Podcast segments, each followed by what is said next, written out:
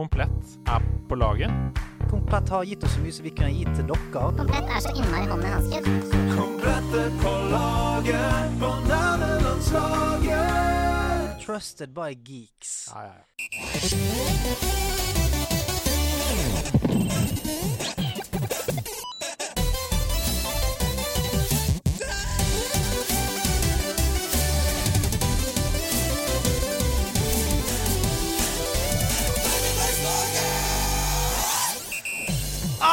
Ai, ai, ai, ai, ai, ai, ai, ai. Nå er det en spesiell dag.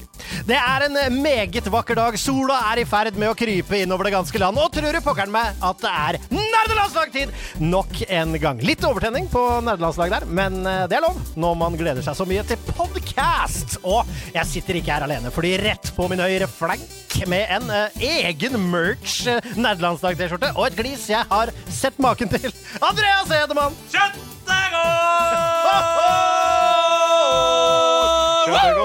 Ai, ai, ai. Det er Ja, ja, ja, ja, ja. Det er en så deilig energi! Og vet du hvorfor? Fordi det er nerdelandslag! Nei, fordi vi er jo fylt opp av Kristiansands glade mennesker. Oi, det er, om det er lov å si! Men, eh, men så absolutt. Den sørlandske stoiske roen ble til sørlandsk herlighet og glede. Vi har jo vært på um, og hatt liveshow i Kristiansand Det eh, sammen med Hasse. Camilla var også med, det var veldig gøy. Eh, og der var det altså 200 mennesker som ropte 'kjøttet går' så høyt at Ja. jeg trodde vi skulle falle av scenen.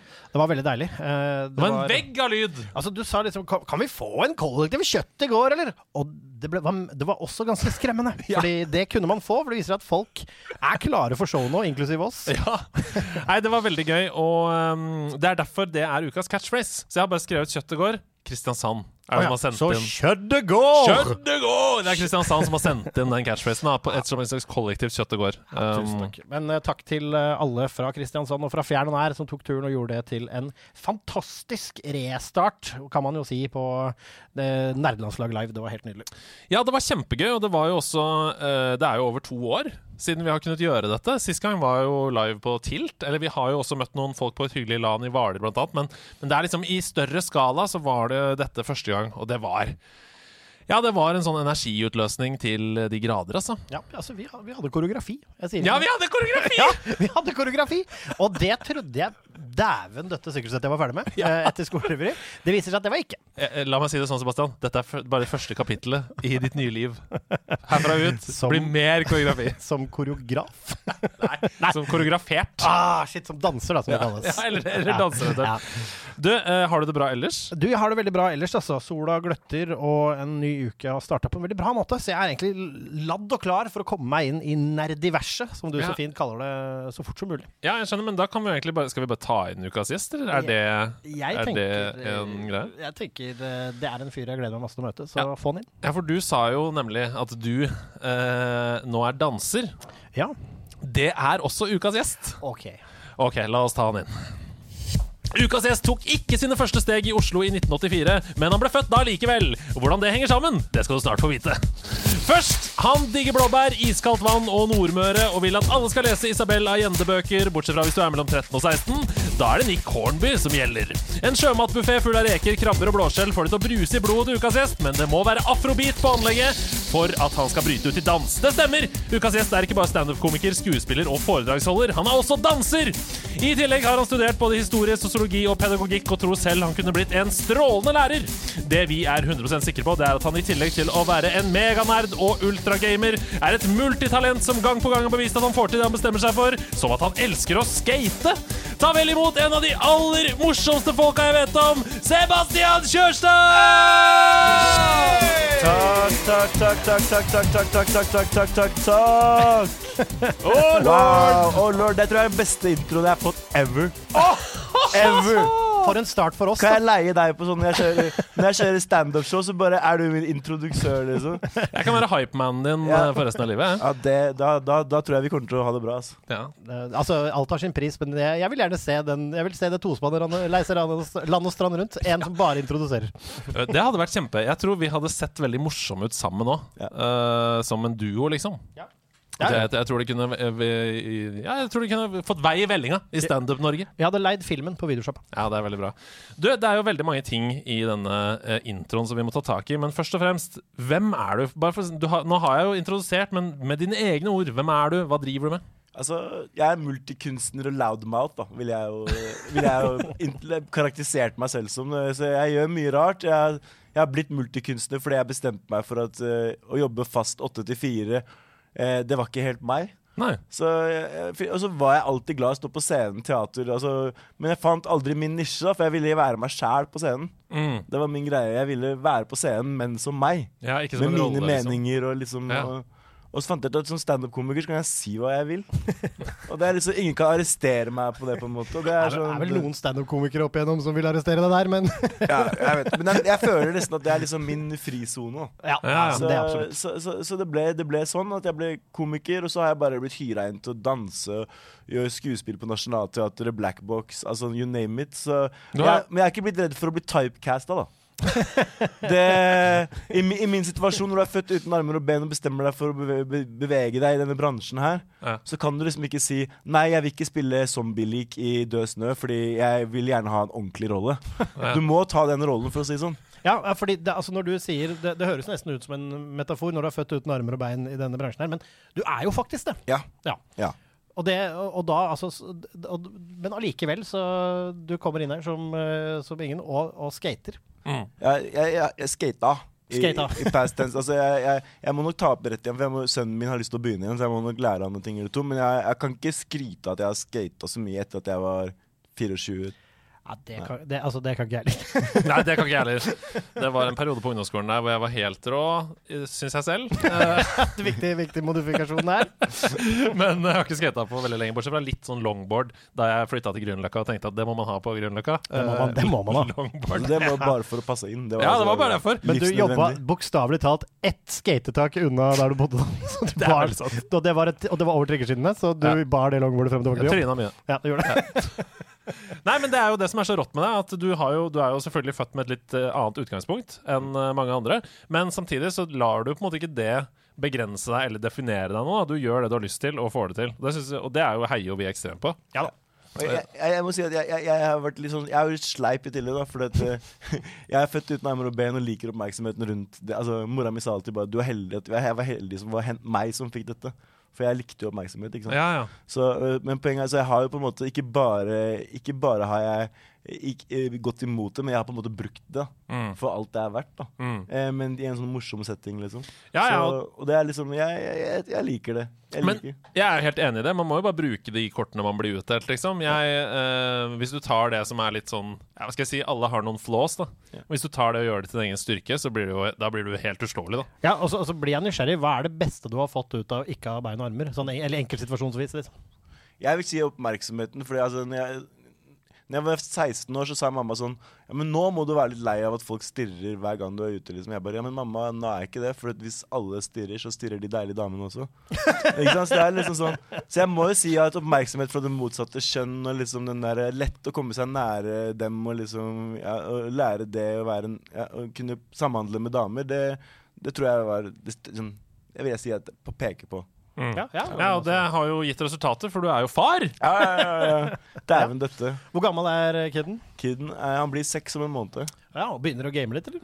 Switcher mye. Å, dette skal vi snakke mer om! vi tilbake vi til, vi kommer tilbake det. Jeg gleder meg veldig. eh, Fordi det er jo selvfølgelig Dette er jo en spillpodkast, um, og da må vi jo selvfølgelig snakke om uh, gaming. Yes. Og det er jo helt rått, fordi nok en gang, et utgangspunkt som ikke er det beste. Uh, veldig mange spill spilles med enten mus og tastatur eller kontrollere. Men Sebastian Hvis vi spoler tilbake tiden, åh, Til, eh, til starten. Hvor var det Når var det du fikk din første spillopplevelse? Eh, Det var når jeg fikk min første PC i barnehagen. Fordi jeg skulle lære meg å bruke PC da før skolen, så jeg fikk jo spespedagog i, i barnehagen. Mm. Så da fikk jeg en PC, og de ville at jeg skulle lære å skrive, men det første jeg gjorde, var å få et golfspill. Oi. I sånn pixel hvor du liksom trykker på space, og så slår du liksom Du ser liksom pikselskogen og liksom ja. Og da, da er det sånn golf at, at den går kanskje sånn opp og ned i styrke, det der meteret, og så når du trykker, så slår ja, så slår du liksom. Ja. Så må du bare sikte og prøve, liksom. Og så. Men vi trodde jo at han kompisen min vant hele tiden, for han fikk slå hele tida. Men det er om å gjøre å slå færrest i, i slag i golf, ikke sant. Så jeg vant jo egentlig hele tida, men jeg ble sur for det, for han fikk spille så mye mer. Altså, dere, du kunne, dere kunne rett og slett ikke golf, så det Ja, ble furore. Ja, Det var bare et spill. Og det var liksom Yeah, et spill! Eh, hva det var, var ikke så farlig, liksom. Og nå, mange år senere, opplever dere det samme på den faktiske golfbanen. Jeg er litt, blitt litt golfnerd, for å være ærlig. Sist, så jeg, ja, faktisk. Ja. Så jeg, men jeg har gama golf på nyere tid òg, da. Mm. OK, vi må adressere det. Hvordan er det du spiller golf? Uh, altså, jeg, når jeg startet å game, så var det tastatur som var greia. Mm. For da var det PC Jeg gama fra PC, jeg hadde jo PC. Mm. Så da lagde jeg faktisk en protese. Jeg, brukte veldig sjelden proteser. Jeg Mm. hata det. Sånn fake armer og fake ben. Altså, hva faen skal jeg med det? Mm. Men når det kom til gaming, da var jeg villig til å gjøre et eller annet. Ikke sant? Så de lagde på en måte en sånn greie på hånda mi, så det stakk en lang pekestav ned Ja. fra hånda mi. For da kunne jeg trykke med tåa og den staven samtidig. Ja. Så da kunne jeg på en måte holde to taster samtidig og, alternere på det. Men det som er nice med det, jeg skjønner veldig godt den følelsen av at du ikke er keen på å liksom uh, Hva skal jeg si skjule handikappet ditt, da. Eller sånn. Ja, jeg bare likte ikke å ha ting på kroppen. Sånn. Nei. Men det er jo egentlig en spillkontroll. Altså, Ja, Ja, ja, når, vi er spiller, når, når vi som er født med armer og bein, skal spille med håndkontroll, så må jo vi også ta tak i noe å spille med. Så den peketingen du snakker om der, da, Ja. det er egentlig bare en gadget som du bruker til å game med. da Ja, ja, ja. Og den spilte jeg masse Fifa med, og liksom, det var de første spillene jeg liksom digga å spille mye, og sånn, så måtte jeg løpe med piltasten, og så brukte jeg tåa på andre knappene. Mm. Men, eh, så, men så slutta jeg å bruke den, for jeg ble litt lei av den, den, den, den, den protesen, så da spilte jeg mye FM. Mye, mye fotball. Jeg satt mange uker og måneder og sikkert år foran den FM-skjermen, CM-skjermen. Altså, ja. Mm. Det var en passion, da. Men så, men så ble, kom, fikk jeg lov til å flytte hjemmefra.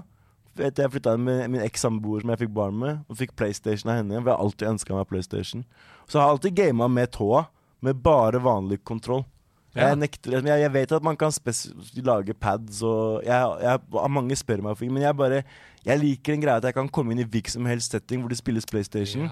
Gi meg en kontroll, and I whoop your ass. Skjønner, skjønner du? Men hvor- Det er altså- liksom litt av poenget at hvis jeg, kan, hvis jeg må ha med min pads og mine, så blir det på en måte litt mer funksjonshemmet spilling med en gang. Jeg vet ikke om du skjønner? Ja, jeg skjønner veldig godt. Altså, Det skjønner jeg veldig godt, men hvis du og jeg, da, jeg spiller jo mye Fifa Altså, hvor, altså det, det, Jeg blir jo nysgjerrig. Hvor god er du i Fifa med en vanlig kontroll?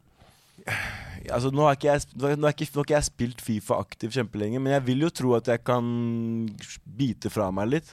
Ja. Det, det vil jeg. Det vil jeg så, fordi jeg har spilt så mye Fifa opp igjennom at jeg liksom kan greia. Men har du andre taktikker, movesett og sånn? Ja, ja, altså jeg- jeg. Før så løp jeg ikke, for jeg hadde ikke lært meg hvordan jeg trykket inn R2 Ja, mens mens jeg brukte eh, andre, Mens jeg bevegde meg. Eh, Men etter at jeg begynte å spille 2K, så måtte jeg lære meg det. Så, nå, så nå kan jeg løpe og nesten trykke inn tre kontroller samtidig. Nesten fire av og til. Ja, det er Og det er, altså, når du sier det, det er ikke så gjerne mye mer du trenger. Du kan spille tikki taka-fotball, vet du. Ja, det var det jeg gjorde. Ja, ja. Før var det Jeg gjorde Jeg, var, jeg spilte Tikki Taka før Basha gjorde det. Shots fired! Ah, det, det, nå tror jeg en viss nederlender skulle hørt deg. Jeg spurte sikkert Taka. Vash! ja, Pepe Guardiola også klør ja. jeg sa ikke Nederland, jeg sa før for Barcelona. Ja, men Barcelona hadde jo Nederland. Det var jo Koman eller er det han, eh, Cruyff. Som, ja, Cruyff, ja, som kom fra Ajax og tok med seg den stilen til Barcelona. Så det var derfor jeg tenkte Nettopp, nettopp. nederlender. Så det, var rett og slett, det er rett og slett du som oppfant TikTok? Ja, ja, ja. Men det som er rått å høre, da, det er jo at eh, eh, du eh, lærer deg å spille på det samme utstyret som helt andre folk, liksom, som er født som sagt med uh, armer og bein. Ja. Men for eksempel Aksel Hennie, da han skulle være med på vår 50-timers stream og spille Fortnite, så var det sånn jeg, jeg må ha med egen PlayStation. Jeg må ha med egen kontroll. Fordi jeg har noen innstillinger på og sånn. Så han kan jo ikke spille på andres utstyr! Han er jo han irriterende som kommer med pads. Ja. Og, Men, altså, men det sjokkerer meg ikke når det kommer til Aksel. Altså, at han trenger special needs når han skal Det Altså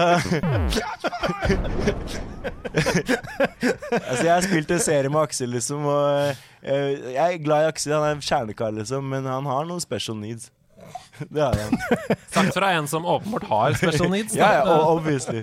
men it takes one to know one, er det Ja, ikke det ja, sier? Takes Juan to know Juan.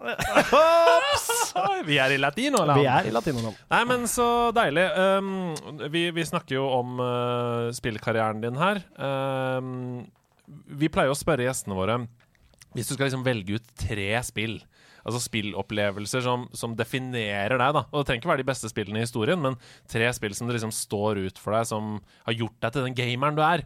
Hvor skal vi først på tredjeplassen, da? Hvor skal vi begynne, liksom? Da må vi begynne med et spill som jeg kaller Captain Comic. Oi, Captain Comic! Det tror jeg aldri har vært nevnt. Det tror jeg aldri Altså Nå har vi lagd 135 episoder av dette, pluss litt over 100 Sidequests. Captain Comic har aldri vært nevnt. Fortell, hva er Captain Comic? Det er et sånn eh, vanlig type Mario-spill på PC som var med sånn du går bortover i en linje og hopper og skyter og sånn Se her, ja. The. Adventures of Captain Comic 1988. Ja, ja, ja. Å, dæven! Hvor gammel er du? Det er greit å spørre om. Jeg er 37, blir 38 snart. Ja, ikke sant? Så, Så, jo... så det var mitt første sånn spill som jeg husker heftig mye fra. Liksom. Den brukte jeg mye tid på. Det, da skjønte jeg at jeg kan game også. Ja, ja. Det ser jo helt rått ut her. Det er jo, som du sier, et plattformspill, sideskrollende. Uh, her er det noen bilder. Sebastian kommer bort til Mac-en her nå. Det ser ut som Mario. Jeg tør ikke å bytte. Så, ja. Uh, og du hopper fra slott til slott og sånn. Uh, shareware, så det var gratis, eller? Ja, ja, ja. Sparte de pengene òg? ja, Altså, ja, ja, ja. Men er det, var det en av disse med to med liksom movement og hopp, bare, eller? Ja, movement og hopp og skyting. Altså det var Ja, det, skyting, det, skyting, hopp og movement. Og så, så kom du alltid til et visst brett. Og da kunne du plutselig gå begge veier. Og da det kom jeg, jeg kom aldri forbi det levelet. Aldri. Vi har prøvd, de prøvde sikkert i fem år. Med kompiser og alt. Alle prøvde, liksom. Wow. Det er som Psycho Fox, som jeg spilte på Sega 8-bit til broren min. Og så spiller vi Psycho Fox masse. Og så, Vi kommer oss ikke videre. Vi kommer til en vegg, og det er bare sånn, uansett hva vi gjør, kommer oss ikke videre. I flere år kom ikke jeg og vennene mine videre når vi snekspilte på den, helt til én kom nær Select. En knapp vi ikke visste eksisterte. Og så kunne du velge forskjellige dyr, og den ene kunne knuse veggen!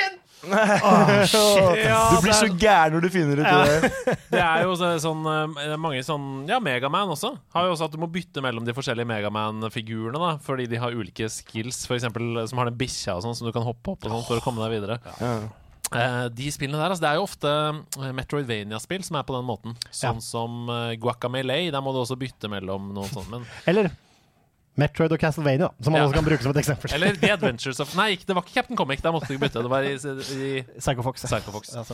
Men uh, har du, vet du om noen som har kommet seg videre derfra i Captain Comic? Nei, jeg har aldri hørt noen Jeg har hørt noen som har spilt det, men de har aldri kommet seg videre derfra. Altså, Aner vi The Captain Comic nerdelandslaget challenge her, eller? Ja, fordi det lukter jo en eller annen 50-timers stream veldedighet Captain Comic-seksjon. Altså, jeg, kan, jeg, jeg- jeg jeg, vil kan, jeg kan komme og hjelpe dere å komme dere til nivå, liksom. og Jeg, så- altså, jeg vil se deg i, i, i livestreamen vår, at vi kan sjekke inn hos deg hvor du skal runde Captain Comic en gang for alle. Det hadde vært fett! Med, og vi har fått tak i Captain Comic-kongen i Åh. Norge. King Captain Comic. Åh, kongen av Captain Comic. Altså, vet du hva? Og så er du komiker også. Dette er jo det nye artistnavnet ditt! Captain Comic! Hei! Hei, det er, og, hvorfor har ikke jeg tenkt på dette før? Og, og, og, It og, all makes sense. og, spille, og, og turneen din heter The Adventures of Captain Comic! Ja! Oh my god! Nei, altså, Vi må lage drakt med en gang. Ja, Noen må lage en stort bilde av han der Captain Comic. Dere som ser dette på Twitch, ikke copyright dette nå. Vi må jo skynde oss å lage nettsiden og alt før noen. Og kan noen, eh, kan noen, eh, kan noen være så snill eh, å lage bilde av Sebastian som Captain Comic? Ja. Eh, altså, Oi, det hadde oi, vært helt oi, rått. Vi har ja. noen tegnere i gruppa. Hvis noen føler kalla, så gjør det. Og så må dere ette, så får vi det ut i våre medier og etter deg på Instagram. Ja, ja. Eh, Limbless understrek Oslo, er det ikke det det heter? Limbless understrek Oslo. Det det er nydelig Instagram-handle. Um, Vet du hva gametaggen min er, da? ja. Den er enda fetere. Ja. På NBA, den fant jeg på for jeg spilte 2K, da spilte jeg online. ikke sant? Mm. Så jeg måtte skrive et eller annet for å pisse off motstanderne mine. Men jeg var ikke, da var jeg ganske dårlig. Ja. Men så Egentlig så var det en litt unnskyldning for at vi er dårlige, men også for å pisse dem opp når jeg forsvinner. Så jeg heter I have no arms. Så du tapte nettopp mot en uten armer! Ja, så det blir sånn, så blir det så mye diskusjoner på det navnet. De bare ja, 'Men du fucker med oss. Vi, du har armer.' Jeg bare Så må jeg ta bilde av tåa mi på PlayStation-kontrollen, sende det til dem og si nei, nei. Hva hva er reaksjonen da? Er det, da, da? Er det bare å kaste to hender i været? Eller Altså, de fleste ikke. fleste blir jo endeløst eh, De vil jo prate med meg og chatte med meg og mene at jeg må få meg Twitch, og det er en nisje. Det er en nisje, Ja! det er en Ja. nisje liksom at du spiller De bare fordi Poenget her med 2K-miljøet er at du, altså Det er veldig mange levels av hvor god og dårlig du er. Alle godtas uansett hvor god og dårlig du er, men det er sånn Jeg er kommet til et nivå hvor jeg kan si med hånden på hjertet Haha, tok den. Eh, jeg kan si med hånden på hjertet at jeg ikke suger. Ja. Og det er liksom sånn Det er ganske heftig i det miljøet, hvis du kan tørre å påstå det, liksom. For å være god, det, det, det er another level. Ja. Men, eh, men det å ikke suge, da har du kommet ganske langt, da. Ja. Og når altså, du da spiller- ikke er basket, ikke sant? Så Ja. er det vi snakker om, bare sånn Ja. for det, så alle får med seg det. Ja, jeg er basketballspiller. Og da er det liksom sånn Og da når jeg Jeg spilte mot, masse i fjor. Ja. så når jeg spiller mot folk der og vinner mot de da, da, da får du noen diskusjoner, altså. For det er liksom sånn Ja. Men jeg er helt enig, og nå, nå kommer vi til inn på et lite sidespor her. Vi skal over til andreplassen og førsteplassen din osv. etterpå. Selvfølgelig ikke rangert, det er bare en 3-2-1. Men um, Twitch, sier du. Mm. Du har jo lyst til å starte en Twitch-kanal. Det har jeg. Hva er det du trenger hjelp til? Jeg trenger Altså, jeg, jeg er bare jeg, jeg er så gammel Jeg er så old school nerd, da. Mm. At jeg er ikke sånn Jeg er ikke, for- jeg er ikke så flink til nye, moderne Ja, teknisk og eh, sånn. tekniske nerdetinga. Så det jeg egentlig trenger, er bare Jeg har fått noen til å sette opp lys for meg.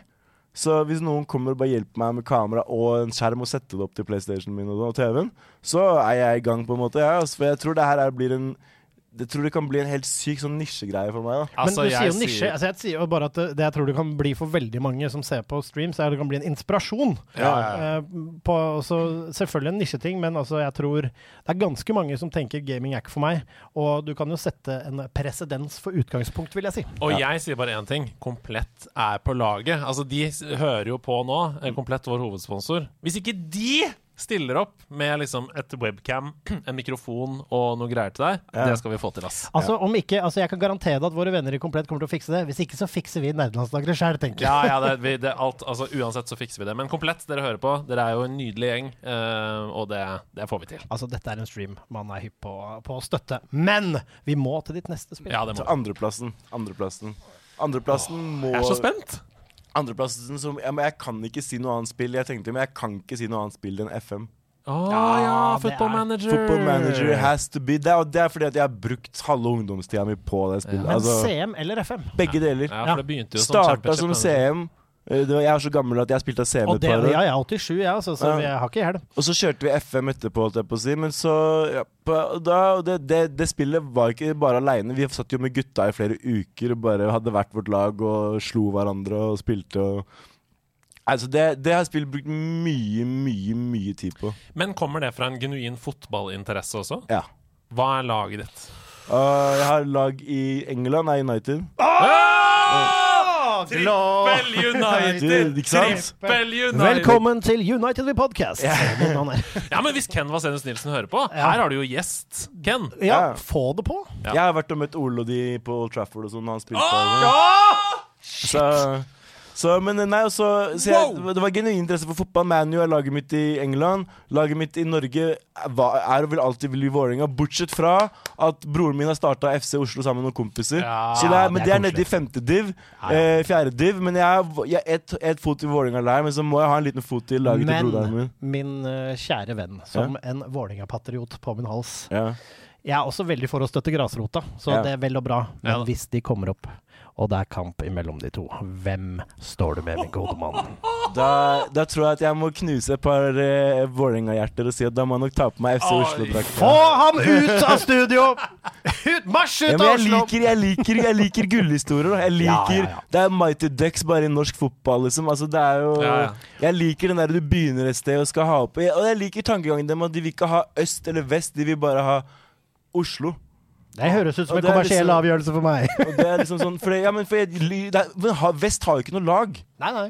Altså, hva er det som, du, har, du har en skiklubb og et par andre greier der borte, liksom. Altså, du, du har ikke noe lag. Heming er en skiklubb, det har vi alltid sagt i lavere divisjonsfotball. Det er veldig sant, ass. Men så, så jeg mener jo at et, et unified Oslo-lag hadde vært greit. da Du, jeg så heier også på underdogen, altså. Jeg håper at de kommer opp, og så håper jeg vi smadrer de i første by. Men han som er manager for FC Oslo, han er tidligere toppspiller. Ja Uh, han var jo gjest på Heia Fotball. Hva er det han heter han? Hva heter han? Jeg Eh, ikke Keeperen, er det ikke det? Ja, det? er Karasai. Ja. Karasai. Adam Larsen Karasai! Ja, han ble med og starta det, vet du. Oi, Han er manager for FC Oslo. Og, mm, og snakka mye om det at, eh, å forene de forskjellige bydelene i Oslo og sånn. Ja, jeg tror det er viktig, altså. Men Ja. dette er et veldig sidespor. Vi skulle bare inn på FM. Ja, ok. så, så, så FM er genuin fotballinteresse og veldig mye nerding, da. Mm. Men på førsteplass, da. Vi kan jo hoppe over hvis dere er Ja, klare. bortsett fra at vi må, vi må få et par Jeg vet at det er mange FM-entusiaster som Yes, sitter og hører på, så vi trenger liksom sånn Hva er hvilken spiller var det du alltid kjøpte, f.eks.? Uh, jeg kjøpte alltid JJ og Kocha. Å, jeg skulle til å si JJ og Kocha, for! Han blir den beste! JJ Okocha er liksom Og Taribo West fikk du alltid Ja, ja, gratis ja, ja, også, liksom. Oh. Så jeg er liksom sånn Men jeg husker ikke hvilken det var. Men Rune Lange.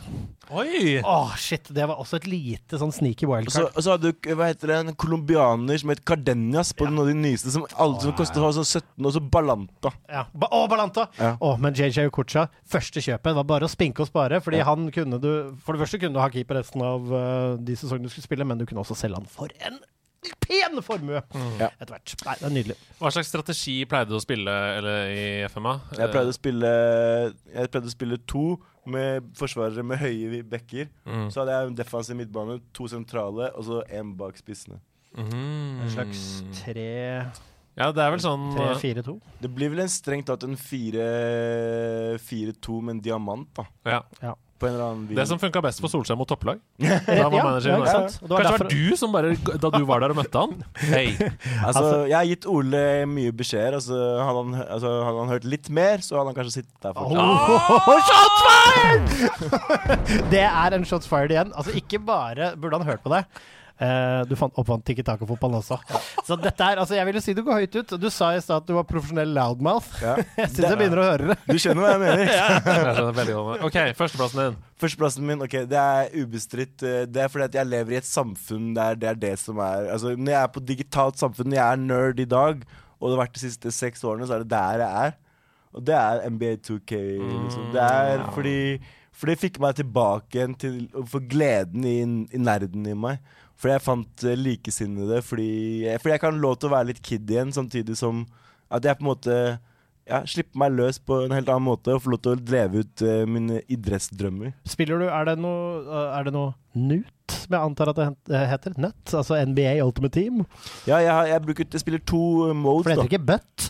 Basketball. Basket. Ja, jeg spiller to modes, da. Jeg spiller My Player, hvor du er liksom en karakter hvor du lager din spiller. Du har én posisjon. Du kan enten velge å spille på sesong, men så løper du også rundt i hooden. Da, kan du spille streetbasket mot andre. Du, har, liksom, du er en del av en, en crew. Så er det fire crews i byen, og så spiller man mot hverandre og kjemper om hvem som er sjefen i, i byen. Og så kan man spille pro, man lager sitt eget lag og spiller med andre hvis man inviterer venner til å lage sitt eget lag. Det er et helt miljø rundt hele greia. Og så har du My Team, som er på en måte det kuleste jeg syns. Da samler du på basketkort. Sånne gode, gamle basketkort. Ja, ja, lager, ja, for det er jo f Ultimate Team, tror jeg. Ja. Samme som Foot Ultimate og så Team. lager du ditt eget lag, da. Ja. Og det som er kult med NBA, du trenger ikke å bruke noe penger, for du kan spille deg opp til de beste kortene. Oh. Det er liksom sånn med å gjøre mission, med å gjøre liksom ting sånn, Økonomien i, i 2K er bedre enn i Fifa. Hva, hva gjelder futt og, og nøtt, da. Jeg, jeg var satt og tenkte på No Nut November. Så det er jo gøy å ikke spille, ikke spille noe eh, i, i november. Nei, men um, uh, Så økonomien er bedre. Det er litt som Heartstone. Jeg har jo ikke kjøpt eh, en expansion til Heartstone siden uh, ja, 2018 eller noe. Naxras, eller Naxax. Naxramas, tenker du på? Ja, det. Nei, det var, det var noen sånn tårn-expansion. Prøv- Vi prøvde å komme på det i Kristiansand, husker ikke hva det var. Men uansett, det var den siste jeg kjøpte, og det har gått helt fint å spille det med gold, da, altså in game currency, Så Ja. du bare får av å spille. Og sånn er det jo også med, med My Team i Ja. 2K. Det skal jo sies at det går helt fint å spille Fifa også, du bare kommer ikke til å komme deg til toppen.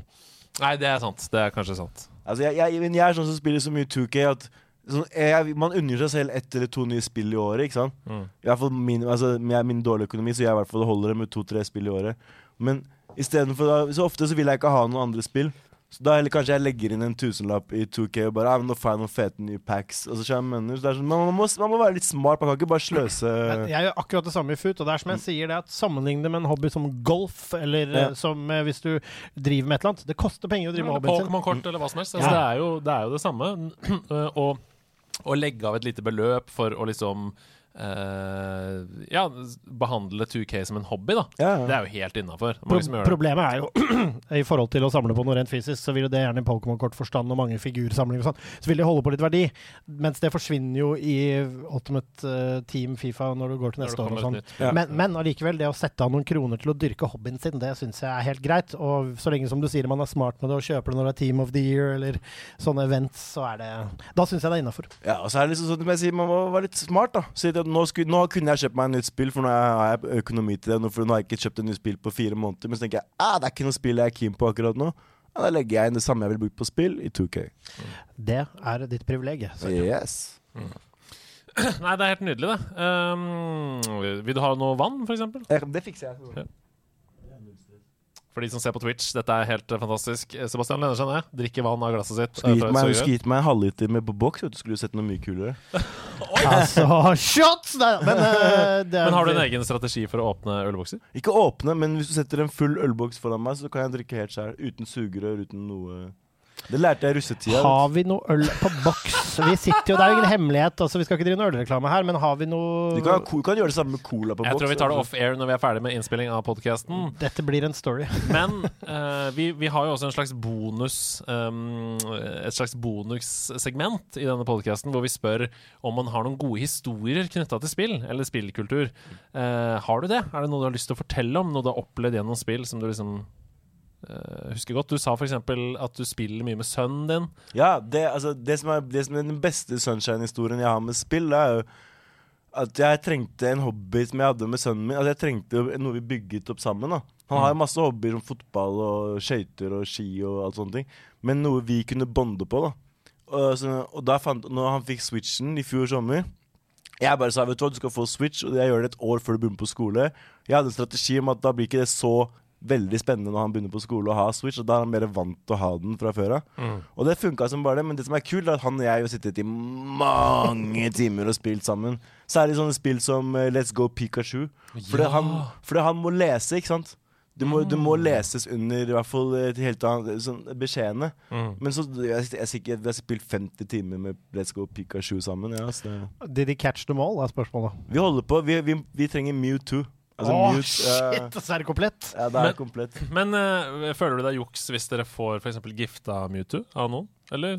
Ja, litt. Men han hadde ikke følt det. Han, han er sånn Jeg må lære han at juks ikke er Jeg jeg er på den greia Vi må lære at juksing ikke er bra. Men det er ikke juks Nei, fordi noe, gift. noe av poenget med Pokémon er jo å bytte Ja, ja. Pokémon seg imellom og trade og sånn. Og jeg vet, altså, jeg vet for a fact at det sitter nå og hører på masse Let's Go Pikachu og Eevee-lyttere der ute som har lyst til å kaste Mewtwo i deres retning, hvis det Ja, det må de få lov til. Jeg, må, jeg skal bare få lov til Jeg må bare koble opp switchen hans på internett, for jeg har ikke gjort det. Når vi har, siden- men jeg, det, skal, det hadde vært dødskult. Ja, Hvis ikke kan dere bare komme ned her på House of Nerds, så kan vi fikse det fysisk også, med en liten bumping av switches mot hverandre. Så blir Det, det da, vet du hva vi jeg tar han med? Han, han er så sur på meg for at jeg er her i dag, ikke med han. ja.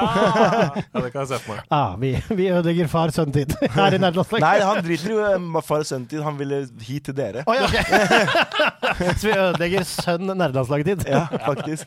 Nei, men Det har jo kommet et nytt eh, Pokémon-spill, eh, Legends Arceus. Ja, jeg har sett på det. Det tror jeg dere kan få mye ut av ass, å spille sammen. Det er jo um, det neste steget, på en måte. Det føles som en open world. Uh, du kan ri på Pokémon rundt, fly rundt på Pokémon i, i verden. Det er gøy. Det, det er, er, jeg gleder meg til jo mer vi kan spille sånne spill altså, sammen. For det, er kult å ha opplevelser sammen på den tiden. Og så mistenker jeg at kanskje, liksom, kanskje det er noe Det er kanskje litt brutalt for en seksåring, men hvis du begynner tidlig med Soulsborne-spillene fra FromSoft, så kan du kanskje få en sånn savant slags Kanskje han blir liksom PVP-Grieg i eh, Elden Ring eller i Dark Souls eller noe sånt. Så det kan være et tips også.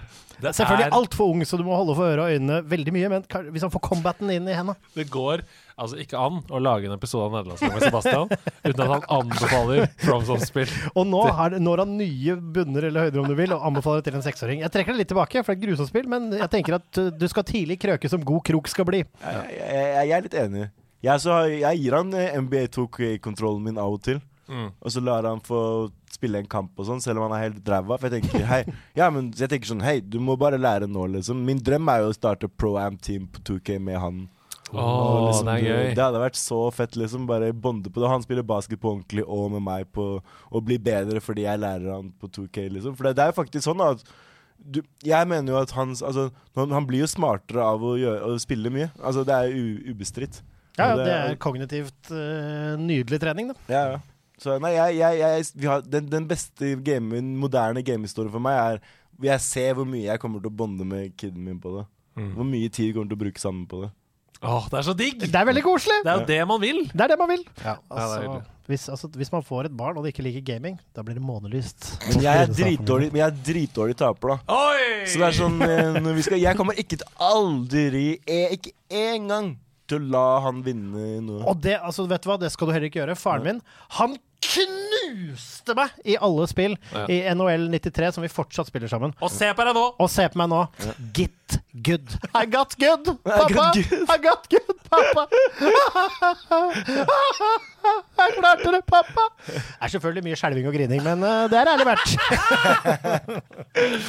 Nei, men Det er helt nydelig. Uh, hva spiller du nå om dagen, da? Jeg spiller 2K, ass. Ja, du gjør det. Men da, det, altså, eh, 2K22 er det som er ute nå, Ja. og det kommer i september. Det kom i september. Så det, og det kommer jo ett i året. Så det vil si at det er jo ikke så lenge til. Nå sitter jeg på helt Nå holder jeg på å finne mine første Eller spille meg til mine første Dark Matter-kort i, i, i, i My Team. da For de slapp Dark Matter forrige de har, Nå har de laget sesonger i 2K, så du får, de slipper sesonger. Ja, akkurat som Fortnite og de andre. Men, men er, det, er det juli det pleier å komme 2Ks? Nei, september. september. September, ja. Sorry. Det er rett før sesongstart. De, de starter NBA i oktober. Er du hypa for neste gen, eller? Jeg har, jeg har neste gen. Jeg. Ja, altså den som, altså nå Så nå tenker jeg 2K23, da. Ja, Ja, 23, jeg er alltid hypa for den nye. Altid, Men nå er jeg så inne i den jeg holder på med. Jeg tenker, jeg, jeg er aldri hypa for den nye før den faktiske NBA-songen er ferdig. Ja. For da begynner jeg å tenke på den neste sesong, både i NBA og på 2K. Men du følger med på drafts og alt sammen? Jeg, ser, og jeg er nerd. Jeg ser jo på vanlig NBA. Jeg ser på sikkert 200 NBA-kamper i året. Oh! 50 college-kamper.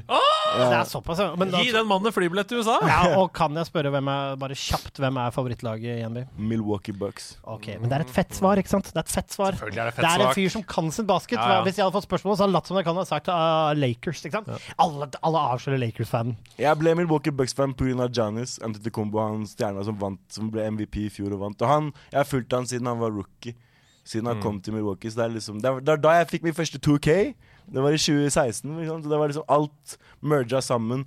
Jeg begynte å følge med på basket, fikk 2K, fikk sønnen min. Jeg kjøpte faktisk PlayStation fordi hun var, for, for å vente på sønnen min blir født. Oi. Fordi jeg kjeda meg så fælt. Jeg var så utålmodig. Jeg bare Jeg må ha noe å gjøre. Ja, ja, ja. Ah, Milwaukee. Er ikke det Jeffrey Dahmers fødested, da? En koselig by. En Hvor koselig by. drømmer blir spist opp av en galmann.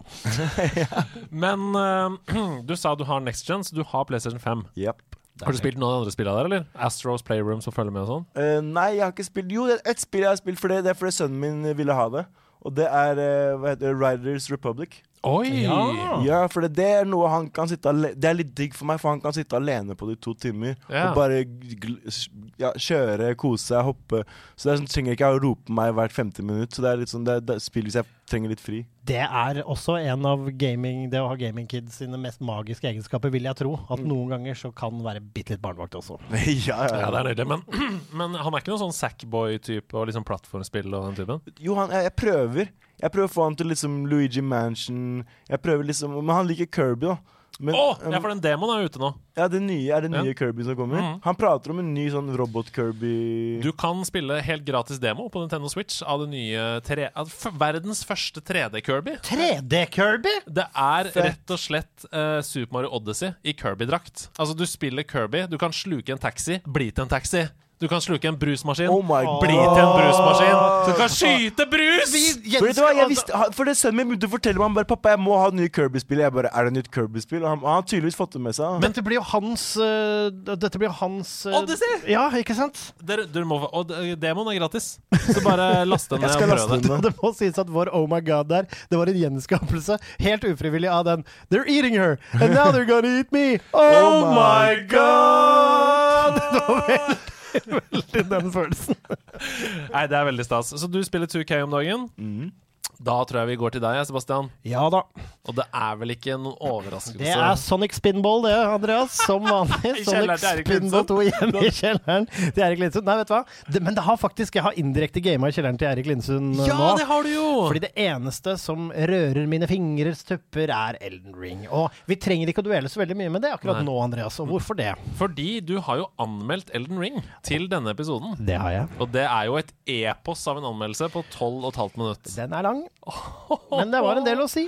Jeg gleder meg så mye til å høre på den. Det er jo liksom um, Ja, det er jo årets mest etterlengta spill. Kanskje de siste fem årenes mest etterlengta spill. Om ikke tidenes mest eh, etterlengta spill. Kan også være. Så, så at du har gjort dette veldig grundig, og det må jeg si, da, i større grad enn eh, andre spillmedier, også tatt for deg PVP-delen. Ja, altså det er jo sagt så veldig mye om dette spillet, og dette nevner jeg også i anmeldelsen, skal jeg ikke gå mine egne fotspor her, men det er ikke så, jeg snakker ikke så veldig mye om uh, Snakker ikke så veldig mye i grunnleggende detalj, for jeg mener ikke at det er nødvendig. Og så er jeg en av de som har uh, testa det over lengre tid nå, mens alt har vært aktivt, og community og PVP-biten, og det har kommet bild som meter og sånn. Så eh, det får, får nevnt litt om det også, som jeg tror Ja. kan bli spennende å høre.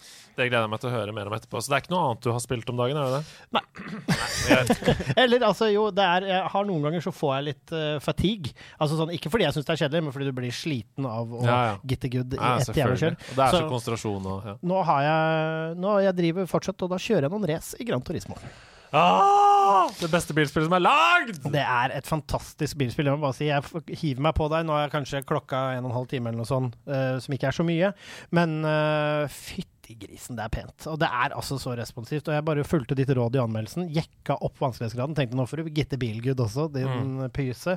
Og jeg stortrives når jeg kjører ut. Så er det ah, ergerlig. Og så holder man seg, så blir man flinkere og flinkere, og så risker man i den siste svingen, og så pinsjer man en seier, og adrenalinet bare ah! Jeg får gåsehud Ja, av å høre deg snakke. Med hårene reiser seg på armen. Fordi det er dette det handler om! Ja, det er det. Hvis man bare vinner alle racene som du, du trenger ikke noe bilspillerfaring. Hvis du setter på det letteste, så vinner du på en måte uansett. Det er ikke noe gøy. Da blir det, det, blir kjempe sånn umiddelbart tilfredsstillende. Altså For noen vil det kanskje være gøy, fordi du får liksom lov til å kjøre fort, og det er jo en fartsfølelse, det er litt gøy med det også. ja, du lokker opp ting med en gang. ja, men du bare reiser rett forbi alle bilene. Men er du, er, er du en av de som er irritert over at ikke man kan selge biler? Eh, nei. Uh, jeg liker Jeg er en samler av natur, så Mm. jeg syns det er veldig, veldig deilig å bare få ting inn i den menyen på kafeen. Ja. Få nye ting. Høre historie om The old man George Formby formed the first bumper. Ah! Og når raytracinga treffer panseret på den gamle Ford GT Og så får jeg jubelhett i mitt blod, så tenker jeg det var et hyggelig rest, og så er jeg rett tilbake i The Lands Between. Det er hyggelig. Eh, hva jeg har spilt det siste, tenker du på? Du, vet du hva? Det, nå skal jeg helt sånn, uten at det er planlagt på forhånd, stille deg et veldig fint Segway-spørsmål. Hva Ja. har du spilt i det siste, Å, Andreas? det er interessant at du spør. Eh, alle vet jo at jeg elsker eh, Hearthstone, det vet dere nå, eh, og Battlegrounds ikke minst. Og det har jo ført til at jeg fulgte en lytteranbefaling denne uka her. Eh, fikk en DM da, vet du, på Instagram eller Discord, jeg husker ikke helt. Eh, tusen takk for det til deg som sendte den, om et gratis mobilspill som heter Super Auto Pets. OK, dette høres i utgangspunktet ut som der hvor microtransactions kommer fra. Gi oss litt av pengene dine! Happy Tree Ja, det kunne vært det. Nei, men det er et Battlegrounds-aktig gratisspill, eh, og det er veldig lagd eh, på en måte på gutterommet. Så det ingen mikrotransaksjoner, i hvert fall som jeg har sett. Merka. Det er ikke noe stort selskap som har lagd dette. Det er bare et, eh, en, et hjerte, et um, kjærlighetsbrev til autobattler-sjangeren. Som er jo sånn som Battlegrounds og, og sånne spill. Eh, du kjøper pets for coin. De har ulike abilities i en slags sånn oversikt, og så leveler du opp de etter hvert, som gir deg tilgang på bedre pets. ikke sant?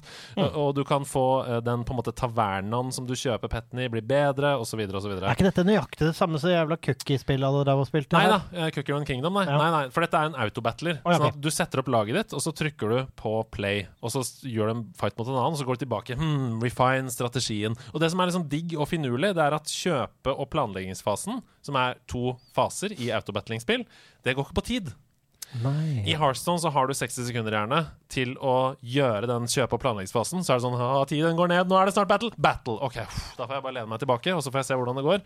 Ja, nye 60 sekunder, bla, bla, bla, ikke sant? Ja, ja. Mens her så er det bare selve matchen som går på tid. Kan jeg trekke parallellen at eh, der hvor Heartstone er lynsjakk, så er dette liksom langsjakk? Ja, det er, vet du hva? Det er en veldig god parallell. Uh, for det er som sagt bare selve matchen som går på tid, så du gjør alle dine strategiske valg. Du bruker opp alle pengene dine, du fryser de minionsene som du har med til neste runde, ser om du skal bruke noen upgrades osv. Og, så og så tenker du OK, nå er jeg ferdig.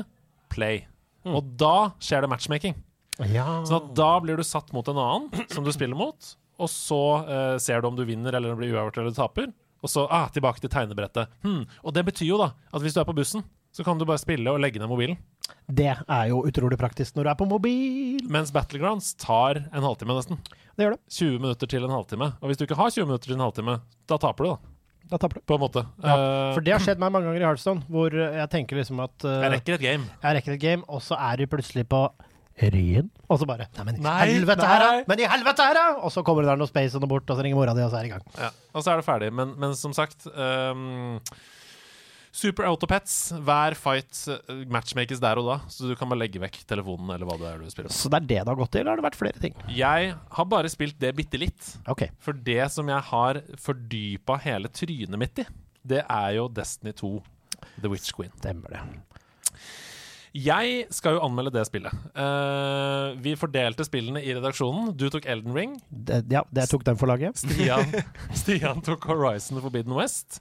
Uh, har du noe sånn forhold til eventyrspill som det? Ja, Som- jeg, jeg, har, jeg har spilt også, men jeg har spilt også eventyrspill. Det som var, at når jeg spilte eventyrspill, så så jeg på kompisene mine spille. ja.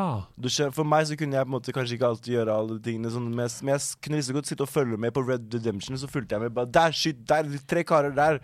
Altså, Akkurat sånn som meg i Ocarina of Time. Ja, altså, det, altså Andreas har jo et øh, Vet ikke om du har hørt det, men vi har jo en greie som heter Troféskap av og til, som er hvor vi hyller noe. Og Andreas har jo skrevet en troféskap om nettopp det der å se på.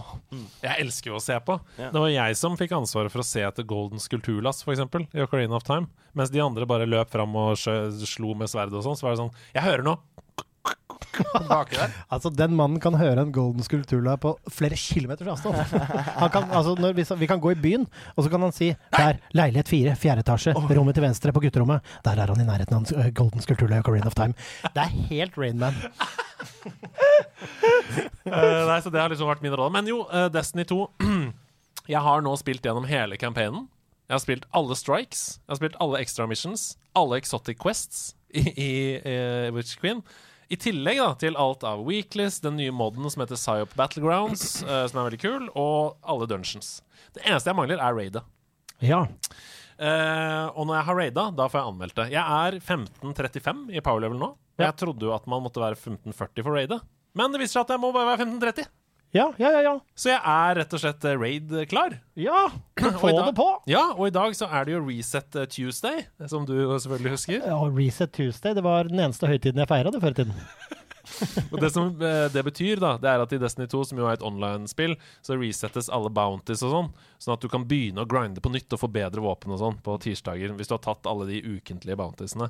Så det jeg har gjort, det er at jeg har gjort klart masse bounties. Hø, nå er du stolt av meg. Jeg er så kry. eh, i, for Gunsmithen, for Crucible, for Gambit. Alt ligger lina opp. Så når Reset Tuesday skjer, så er det bare trykke, trykke, trykke. ja. trykke. Og det eneste du hører i hodet, er chili con carne, chili con carne. Forresten en jævlig låt. Let's make. Men eh, det er bare Du er helt eh, du er, Det er altså endorfinbonanza. endorfin-bonanza. Og det renner inn med Ah. armor og våpen, og tallet går opp, og jeg bare ser 1540, 1541, Den- 1542. Den lyden av at du får en exotic, som den kan du jo få jukse deg til hvis du flytter fra hvelvet, som vi har snakket om før, men jeg har så lyst på den som meldingslyd, for jeg hørte en som hadde det på kontoret. Og du bare Hvor er det exotic?! Og det vet du hva det trigga alle, altså hvor mye den lyden har betydd for meg. opp igjennom, For jeg hør, Han fikk en melding i et møte, og ryggraden min ble til liksom dopaminis. Og jeg bare kjente jeg sank ned i en sånn åh, følelse.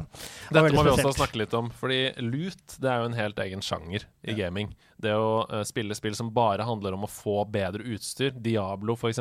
Ja. Har du noe forhold til det? Altså, Du snakker jo litt om det i NBA, det å få bedre spillere, basketkort om du sier vil. da Du leveler opp der òg, da. Ja. For du, der, noen så er det cars hvor du må gjøre ting for å få dem til å gå opp i stats. Så må du kjøpe, så må du kjøpe sko. Så må du liksom badges, som du må gjøre missions for å slå lag som eh, de har satt opp, som får du badges som du kan putte Du må liksom bygge opp badgesene på spillerne. Så alle har jo på en måte mulighet til å ha samme kort, da.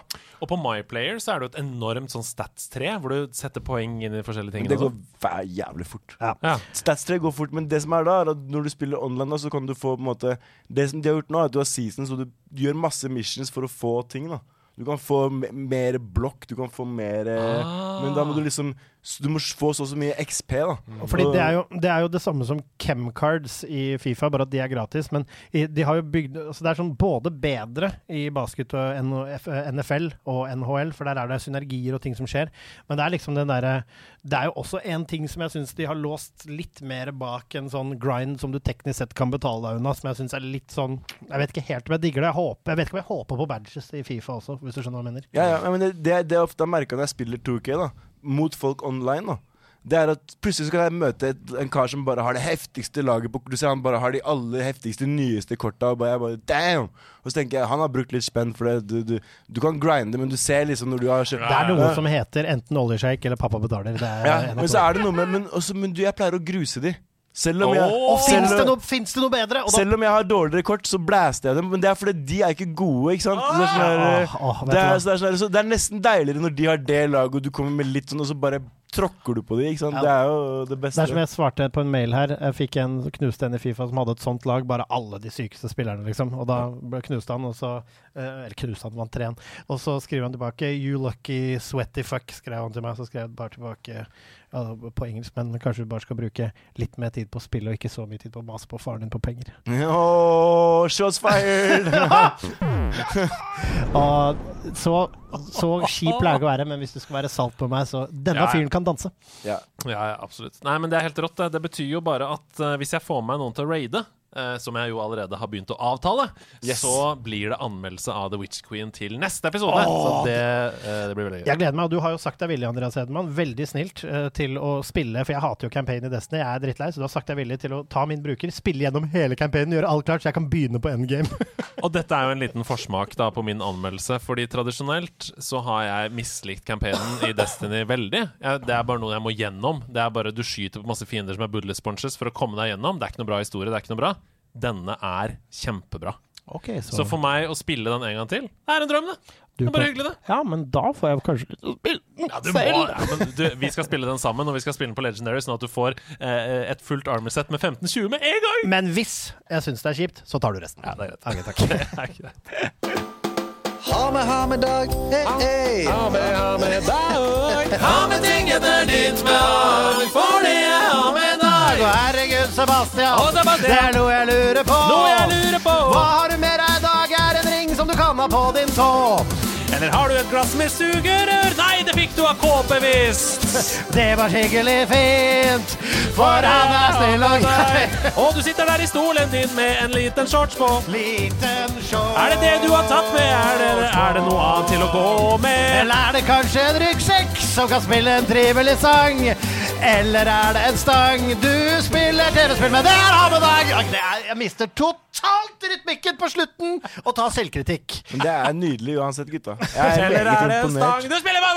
Ikke sant? Det, total hodemist på Men slutten. det er fordi du må bytte fra liksom å være et kor til å rappe veldig fort. da Ja, men noen ganger så får vi det skikkelig bra til. Dette var en Vet du hva, dette var helt på det jevne. Jeg gir oss en firer for å holde stemninga oppe. Jeg må bare si at uh, vi var jo i Kristiansand i helgen. Uh, da måtte vi ta Hamedag-introen to ganger. Så jeg kanskje litt sliten. eh, Litt Hamedag-fatigue etter det. Det kan være det derfor, rett og Ja, det, det jeg, skjønner hva du mener. Man har bare én i uka, og i går så tok det Nei, på, i Kristiansand så brukte vi to ganger. Sånn Men er det. jeg, jeg, jeg har med Ikke sånn veldig Men jeg, det, jeg skal ha med noe, for det er en historie bak Å, oh, jeg gleder meg! Det er det beste. Skal jeg Eh, hjelpe deg å hente? Ja, jeg tar hente den. Det Hvor er er den? Den er i jakka mi. Jeg, fikk pla jeg trodde ikke jeg fikk plass til den i jakka mi, men jeg fikk plass til den Sebastian reiser seg nå opp for å gå og lete etter noe i jakka til vår gjest Kjørstad. Han tar det nå ut av jakka. Å! Det er en DualSense-kontroll. Som han sitter med der. Ah, se der, vet du! Der ser vi nå, eh, nå Du kan jo følge etter han med mikrofonen, så kan du jo vise For uh, Kjørstad Altså, nei, må jeg si Sebastian. Ja, ja. Jeg kan si Sebastian med og uten armer. Sebastian uten armer. Det er armer. for langt. uh, ja, han dytter nå fram en DualSense-kontroll på bordet. Ja. Og da tror jeg vi fikk en slags forsmak på hvordan det er du gamer. Ja, altså Nå sitter jeg jo i en gamestol, så men du, altså, jeg gamer jo med tåa. Ja. Så du kan jo Hvis du legger den her altså, Jeg ja. kan, ja, jeg kan uh, bidra. Sebastian Brunestad reiser seg opp nå for å være en uh, viser til hvordan Men altså jeg, gamer men nå, Vanligvis så sitter jeg jo på gulvet. Fordi jeg kan ikke game i en gamestol. Jeg forresten mobiltelefonen. Så, Til- ja. Jeg kan jo ikke game på en gamestol. Og det er fordi at jeg trenger litt plass. ja. Fordi når jeg gamer, så sitter jeg på en måte sånn her. Til de som er på Twitch, nå skal vi nå løfte opp kameraet eh, som er her i studio, og så vise ned. Eh, så hvis du viser over kanten her Der, ja, nå ser vi fint. Så, så gamer jeg sånn, så kan jeg pushe inn de bak ved å liksom pushe kontrollen sånn. Og så er vi liksom på hele greia. Men jeg trenger, jeg trenger en flat, hard Jeg trenger en flat, hard bakke, da. Jeg en slags planke under. Nei, jeg bruker bare en vanlig gulv med teppe på. Ja. Og så sitter jeg sånn, og så spiller jeg, liksom. Ja, for du spiller med foten. Jeg må beskrive dette for lytterne. Du spiller da med foten oppå kontrollen, Ja, og så så- dytter du ned kontrollen for å trykke inn R2 eller L2. L2, og så resten bruker jeg de her. Det er jo helt rått. Kameraet sliter litt med autofokus, men folk skjønner det nok uh, godt når de ser det likevel. Så det liksom Så det er sånn jeg spiller, da. Og så skulle jeg egentlig ha med meg to andre ting, men jeg fikk det ikke med meg. Og det var en, det var en spillebukse jeg har som ser helt jo, helt for jodd ut, for å si det sånn. Som var den jeg spilte med de siste tre årene, for jeg nekta å bruke en annen bukse jeg spilte i. Eh, Ja, en spillebukse, ja. Hvordan, hva, hva vil for, det si? veldig sånn, for, for meg så må jeg ha riktig tynnelse på For jeg bruker jo beveger rumpa mye når jeg sitter liksom sånn. Så, Ja. jeg, altså jeg blir mer, dere blir kanskje sliten i, i hendene deres og ryggen av å spille og sånn, mens jeg får mye sittesår, slitasje på lår og, og Ja. rumpe. Og sånn, så jeg har også kunnet tatt med en balle jeg skulle ta med. Jeg, må, jeg ble så skada av å spille så mye 2K i, i vinter at jeg måtte faktisk inn på Ullevål operere. Eh, ja, ja. Jeg måtte, jeg måtte inn på Ullevål og operere et sittesår som jeg hadde liksom fått av å spille for mye 2K. Og da jeg, så fikk jeg spørsmålet Vil du ha det med bedøvelse. Da må du vente her til i morgen tidlig. Eller vil du ta den nå? Eh, og så får du komme hjem i kveld. Og jeg hadde en turnering jeg skulle rekke. Så jeg bare Kan du være så bare ta den nå? Så jeg kan komme meg hjem i kveld, Og liksom. spille med! Spille med, liksom. Altså, vet Så det er, så det er sånn at Folk blir idrettsskader og sånn, men jeg får faktisk 2K-skader. Skjønner du hva jeg Det mener? er det mest hardcore! Altså, jeg vil at du skal enten ha en kopp eller en T-skjorte hvor det står 'du er ikke gamer før du har sittesår'. Nei. Det, det, det, Det er liksom faen meg hardcore. Altså. Så da, da, da, da, da, da, da hadde jeg fått Alan Iverson på Galaxy Opal. Hadde jeg sittet og fått samla 150 000 XP som en gærning. Liksom, og bare, da, da måtte det opereres. Da, Det er jo helt uh, rått å høre. men, men Men i retrospekt, det var ærlig verdt. Veldig, jeg kunne gjort det. Jeg hadde gjort det igjen og igjen og igjen. Og Ullevål bare 'Det holder nå! Det er midt i pandemien! Ja, Kan du legge deg på magen?' Du bare 'Nei! Jeg kan ikke det!' Det er pandemi, hva skal jeg gjøre? Jeg kjeder meg. Jeg må få game, liksom. Altså, hvis dere snakker litt mer om uh, Hamedagen For du hadde egentlig én ting til du hadde lyst til å ta med. ja, jeg, det var det jeg sa. Jeg hadde med buksa, og så hadde jeg med den Jeg skulle egentlig ta med den balja, da. Den der, jeg hadde en balje som jeg måtte Etter operasjonen min Så måtte jeg på en måte Etter operasjonen så måtte jeg sitte i grønnsåpe eh, I balje i sånn en, en gang om dagen I ti minutter. Det er ikke noe vondt det Å altså nei, det høres ut som det svir, bare. Nei, det går bra. Men det var liksom bare Men en balle Jeg måtte låne fatterns fotbad Var det jeg egentlig tenkte å ta med. For det var det som var stort At jeg kunne sitte ræva mi oppi Med grønnsåpe liksom. Det er det. her, så, er så, så jeg tenkte å ta med den også Men assistenten min hadde nok med å være barnevakt tydeligvis. Så han fikk den ikke med seg. Men jeg, bare altså, det vil si, for, altså, jeg, jeg tar dette gaminga mi ganske seriøst da. Det er, eh, er Du er ikke, du er ikke seriøs gamer før du ender opp med sittesår i fotbalja til en far. ja, ja, jeg vet det Det er liksom uh... Det er Dette er nødt til å være tidenes hamedag, tror jeg. Dette, denne føyer seg i rekke. Først, altså først veldig fascinerende liksom, å se hvordan du faktisk gjør det, og spiller med en Ja, ja. dualsense uten hender. Men så ender vi i Fotballet til en en far, for det var en som var stort nok, ser du. Og det var tredje liggesåret etter å ha fått Alan Iverson i uh, NBA i uke. Den har alt. Historien har alt. fantastisk. Tusen takk for en nydelig hamedag. Fantastisk. Kjøttet går! Mitt navn er Andreas Hedemann, og dette er Nerdenytt. Av krigen i Ukraina har Nintendo besluttet å utsette lanseringen av Advance Wars 1 pluss 2, som egentlig skulle komme til Nintendo Switch den 8. april. Noen ny dato er ennå ikke annonsert. Dette føyer seg inn i rekken av uheldige lanseringer for serien med fantastiske strategispill. Advance Wars 1 ble nemlig sluppet i USA 10.9.2001, Ai. og de fleste vet hva som skjedde dagen etter. Disse hendelsene førte den gangen til at spillet ble utsatt i Europa og Japan, og nå er vi her igjen. Speedrunnerne har, som de alltid gjør, kastet seg rundt for å runde Elden Ring så raskt som overhodet mulig. Det enorme spillet, som anmeldere verden over brukte 100 timer eller mer på å komme til rulleteksten på, det er nå fullført på 29 minutter. Med andre ord, hvis du er bekymra for at Elden Ring er så, et så enormt spill at du ikke har tid til å sette i gang, frykt ikke! Altså, jeg føler at du går glipp av noe på de 29 minuttene. Men det, Det det, tar nemlig bare en halvtime å runde. Dette gidder jeg ikke høre på. Det er dårlige nyheter. Sony og PlayStation har begynt en ny strategi, virker det som, og vi hyller den. For bare én uke siden så holdt Sony nemlig sin forrige State of Play-sending, og nå kommer det enda en! Det kan virke som om Sony i større grad enn før ønsker å streame jevnlige oppdateringer, istedenfor å spare alt til et par messer i året, som E3 og Gamescom. Og med det følger det i Nintendos eksempel, som har sine Nintendo Directs. Men her kommer det altså. Førstkommende torsdag 17. mars klokka 22 får vi se 20 minutter fra Harry Potter-rollespillet Hogwarts Legacy! Og ikke nok med det, mer enn 14 av disse minuttene består av faktisk spilling! Tatt opp på en PlayStation 5. Med andre ord får vi et godt innblikk i hva spillet er, og hva vi kan forvente. Hvis dette er en stamina- og MP-basert uh, skill-based combat med ordentlig hardcore vanskelighetsgrad, da, Harry, blir det deg og meg. Vi gleder oss til å se mer fra et ordentlig forsøk på rollespill i Harry Potter-universet. Men så til ukas hovedsak. Fordi um, Jeg vet ikke hvor mye forhold du har til dette spillet, men det får vi se. uh, om dette blir en lang eller kort øh, hovedsak. For det har vært en sånn merkelig prosess knytta til Overwatch 2. Ja, Men Hasse blant annet gleder seg mest til det spillet, av alle spill han er hypa på her. Eh, og jeg er jo også ekstremt gira på det. Jeg har spilt Overwatch mer eller mindre sammenhengende i seks år. Og jeg blir så gira når jeg tenker på den følelsen vi hadde i starten, som var å utforske nye strategier, eh, nye maps, og være sånn Nå er vi på Hanamura, hva skal vi gjøre der? Og det gleder jeg meg til òg, fordi jeg datt jo av etter hvert. Det er jo ingen hemmelighet det på Overwatch, men i starten der og i det draget Jeg var jo med lenge. Ja, du var jo det, eh, og har jo dine hundrevis av timer i det spillet, du også. Men eh, det er egentlig det første spørsmålet mitt. Er dere noe gira på Overwatch 2? Ja, er mitt svar på det. Fordi jeg, jeg elsker å hoppe inn av og til og spille med dere, men jeg har dette ut av det nå, og jeg har ikke hatt liksom motivasjonen til å gønne på og git good Nå ble det mye men igjen i, uh, i Overwatch. Men et nytt spill med nye metaer, og at alle må prøve ut på nytt, og liksom at det sprer seg litt ut, og flere strategier, og kanskje man kan finne opp egne og gjøre sånne spektakulære ting som Ja. forsvinner litt. Jeg gleder meg.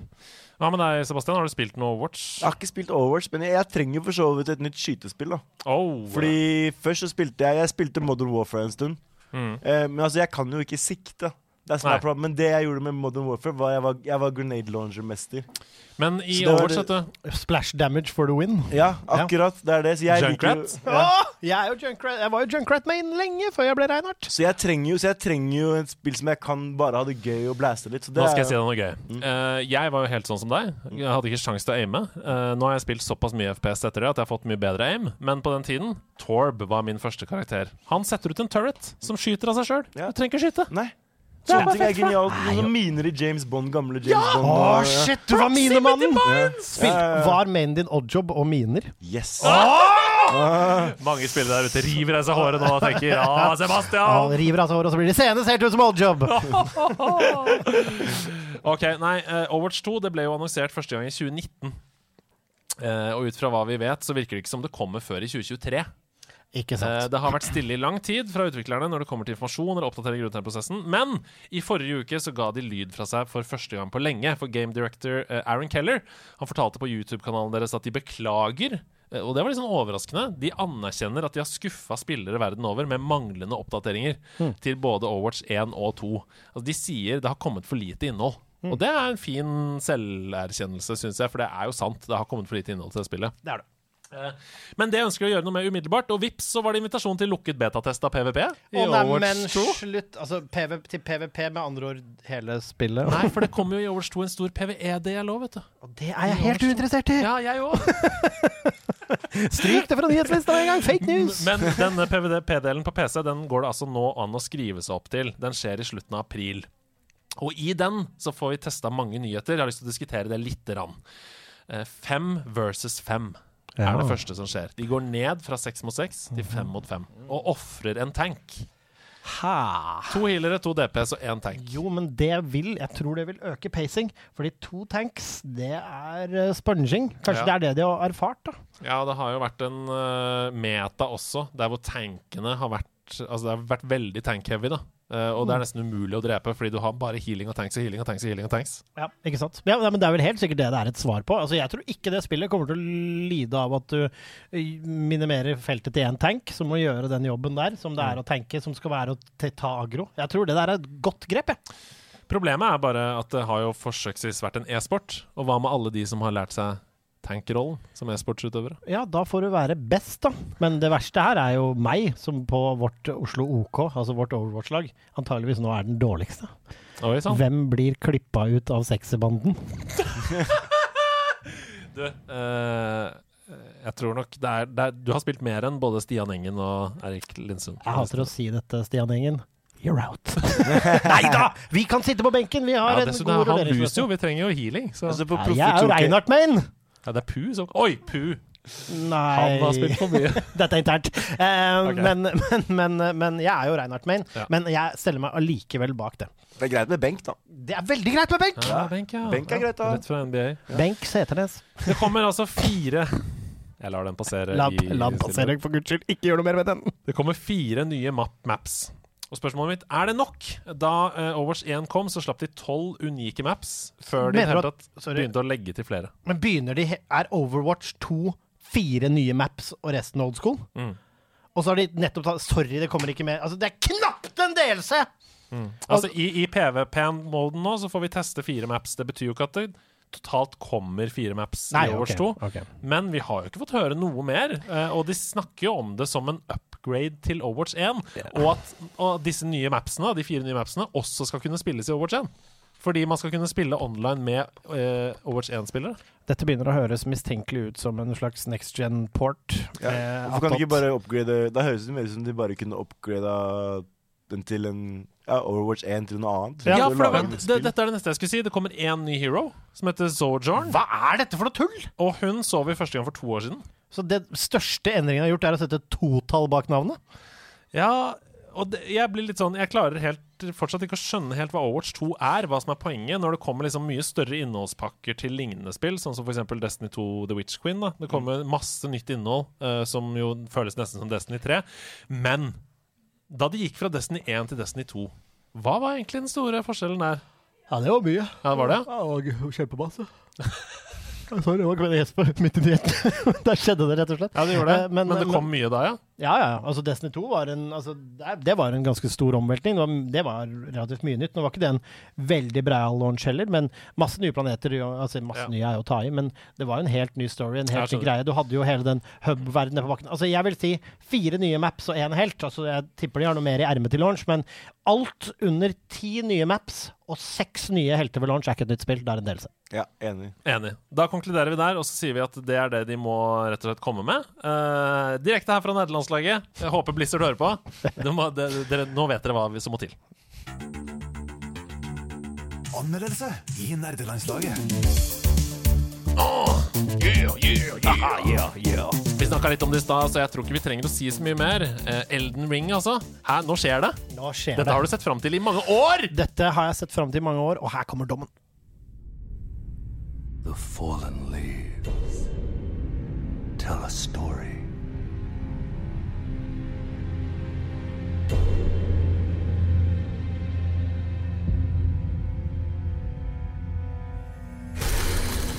The great Elden Ring was shattered.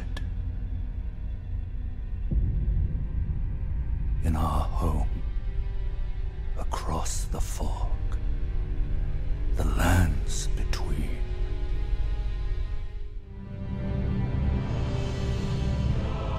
Oh, rise now, ye tarnished, ye dead who yet live. The call of long lost grace speaks to us all.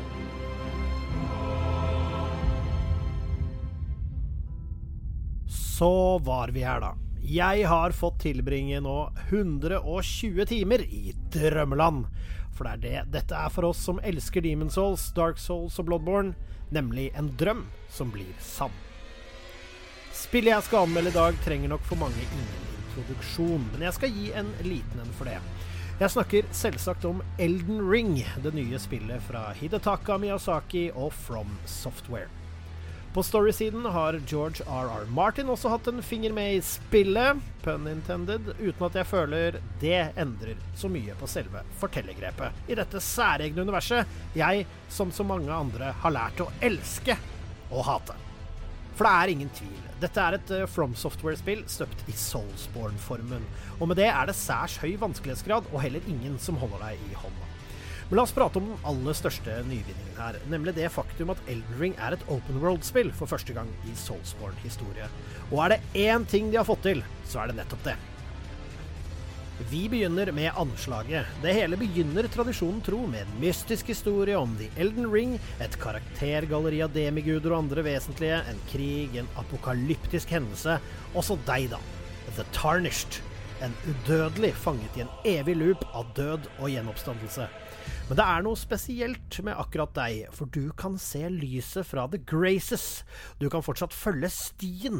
Kan det være du som er the chosen one? Kan det være du som skal drepe alle de korrupte, monstrøse, ondskapsfulle fraksjonene og lederne der ute, og bli The Elden Lord? Vantro? Long and hard didst thou fight. Tarnished warrior, spurned by the grace of gold.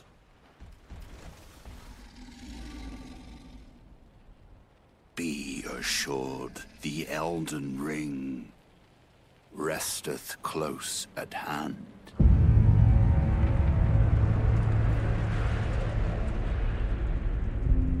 Svaret på det får du selvsagt ikke her. Og for å være ærlig så vil jeg ikke snakke så mye om historien og hvordan man kommer seg fremover i dette spillet, for det er et spill du så absolutt bare må oppleve selv. Dette er en verden som åpner seg for deg etter at du har valgt en class og en karakter, for så å være nettopp det som så mange spill aldri har klart skikkelig før dem, nemlig å være en open world på ordentlig. Hvilken vei du går, har lite å si, og det eneste som styrer din ferd i denne verden, er om du enten er sterk nok, eller om du er god nok for området du utforsker. Rundt hver eneste sving, fjellknaus, katakombe, underjordiske hei, skog, sump, tjern, steppe, ørken og eventuelle himmelske palasser lurer noe nytt, fryktinngytende og spennende. Og før du vet ordet av det, så er du på et helt nytt eventyr som påvirker verden rundt deg, også den såkalte main storyen. Som så mange anmeldere før hadde jeg nærmere 30 timer i spillet før jeg fulgte lyset for å jakte på min første Great Rune, og det sier sitt. Så la oss snakke litt om karakterbyggingen her. Hvem du er. Det er nemlig helt opp til deg. Du blir ikke fortalt så veldig mye om hvem du spiller som. Du bygger karakteren din helt etter eget ønske. Du kan være en mage, tank, dodgy-wodgy dual-wheeled, battle mage, underbukse edgelord med gøyal hatt. Du bestemmer helt selv. Selv etter class-valget kan du selv bestemme hvilken vei du vil, og sjansen for respec åpner seg også etter hvert. Combaten er som vanlig 100 skill-basert, og baserer seg på stamina management, magic point management og Seff helse. Du har et gitt antall helse- og magic potions hvert liv, og de resettes når du dør, eller om du slår en gruppe fiender eller en boss. Og la meg bare si at å dø, det kommer du til å gjøre mye. Og det faktum at du kun får én sjanse til å komme deg tilbake fra forrige hvilepunkt for å samle opp oppsamlede runes, spillets XP-valuta du mistet da du døde, så forstår du at Elden Ring er vanskelig. Det vanskeligste Soulsborne-spillet på lenge, faktisk. Og det, det er deilig. Endelig et spill som tvinger deg til å bli god, eller get good, som det heter i dette universet. Og det fine med Elden Ring er at om du møter en vegg av vanskelighetsgrad, bare ta et eventyr et annet sted.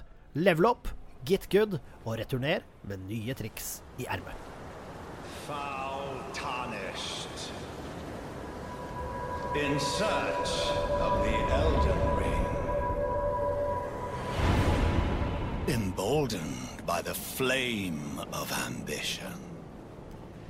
Elden Ring er et nydelig, underfortalt mysterie av en fortelling i en gigantisk verden som aldri slutter å sjokkere, med nye utfordringer og overraskelser. Men jeg har egentlig sagt for mye. Dette bør bare oppleves av alle. Og nå litt om den komponenten som jeg kanskje er aller mest glad i i Soulsborne. For det er nemlig en robust PVP- og PVE-del av dette spillet. Du kan via et passordsystem og noen consumables samt items du får tilgang til ganske umiddelbart, summone en venn eller en fiende inn i din verden for å hjelpe deg, eller for en fight to the death. Her briljerer spillet. Det å spille co-op med venner eller ukjente gjør spillet langt mer tilgjengelig for den gemene hop. Står du bom fast, kan du alltid spise en Furl Calling Remedy, si det seks ganger fort, og se etter gulltegn på bakken for å summone inn en vennligsinnet random, eller via et passord en venn, og utforske og sleie sammen til du eller vennen din dør. Eller til en boss blir drept. Dette er fantastisk koselig og gøy, og står i dag for de aller beste co-op-opplevelsene jeg har hatt i et spill noen gang. Det eneste lille trekket noen kunne ha på dette, er det at man ikke som hjelpende hånd får beholde progressen i sin verden, og key items ikke dukker opp for deg. Eh, Så skal man holde følge da med hverandre, må ting gjøres to ganger co-op. Men kom igjen da, folkens! Hæ? Det er jo bare gøy, og runes får du jo som hjelper, og de mister du ikke om du dør i andres verden heller, så hvorfor ikke grinde runes med å hjelpe andre? Det er i hvert fall min favorittmåte å grinde runes. Så er det PVP, da. Du kan nemlig invadere og bli invadert av andre spillere, og bli en del av fiendens rekker. Ingenting er mer fryktinngytende når du er langt fra trygg grunn og du blir invadert. Da får du nemlig ikke muligheten til å hvile ved en Grace, altså spillets trygge hub, før én av dere er døde. Men disse invasjonene skjer nå kun om du spiller co-op med noen, eller om du aktivt åpner for invasjoner med et spesielt item. Og da skjer det hele tiden. Med andre ord, spiller du alene, så kan du ikke bli invadert. Altså, det er skandale! Altså, Det er nerfing av en av Soulsborne-historiens kuleste funksjoner, både som invaderende og invadert. Altså, altså, Det kan kun kalles en catering til massene. Et ekstremt dårlig valg, spør du meg. Altså, jeg savner det ekstreme spenningsmomentet det ga meg sårt. Når det er ute av systemet, så er PVP-livet rent konkret bedre enn noen gang. Selv om jeg som invaderende 98% av tiden må kjempe mot to eller tre samarbeidende andre spillere, så stortrives jeg med å piske livredde sprintende hosts med lomma fulle av runes etter å ha drept deres personlige garde med noen spillcombos de aldri har sett før. Og så tenker jeg get good smilende mens jeg bukker pent, og tenker der lærte dem en lekse om at de aldri er trygge i the lands between. Are you not entertained? Are you not entertained? Is this not why you are here? Det arrangeres også fight clubs, som du kan finne på diverse forumer og lignende, og der er det egne regler, egne konkurranseformer, egne leveler og egentlig hva enn du kan eh, tenke deg. Og det er egne områder man kan aktivere Invasions som møter andre PVP-builds til fair fight og god stemning. Altså, jeg elsker det så hardt! Min favoritt-PVP i heleste hele verden. Til slutt så må vi snakke litt om grafikk og lyd. Jeg spiller på PlayStation 5 med en LG C1-TV, og, og la meg bare si det ser nydelig ut. Fortryllende verden, nydelig lys, levende natur av alle slag, dunkle tunneler, fryktinngytende vakre og groteske fiender og bosser. Det er så utrolig vakkert! Musikken er som vanlig symfonisk og uhyggelig, episk og enerverende. Noen ganger kanskje hakket for enerverende. Det var noen huler med litt grann ensformig sopranjamring som eh, spiste hjernen min litt på åttende timen, men eh, pisj posj, katte meg kalosj. Musikken og lydeffektene vever et fantastisk bakteppe og forsterker farer og spektakulære opplevelser til gangs.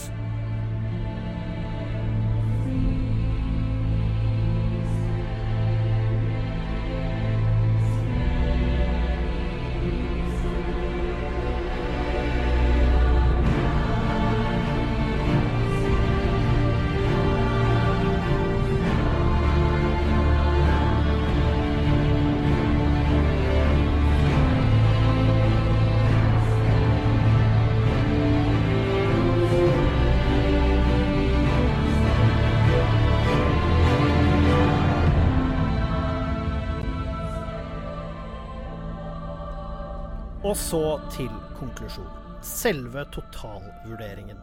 Dette er jo det spillet jeg har drømt om, gledet meg mest til og hatt høyest forventninger til gjennom tidene. Så da gjenstår spørsmålet har det innfridd? Jeg skal avslutningsvis fatte meg i korthet. Terningkast seks. Ti av ti. Hundre av hundre. Tusen av tusen. Dette er det beste spillet jeg har spilt. Punktum.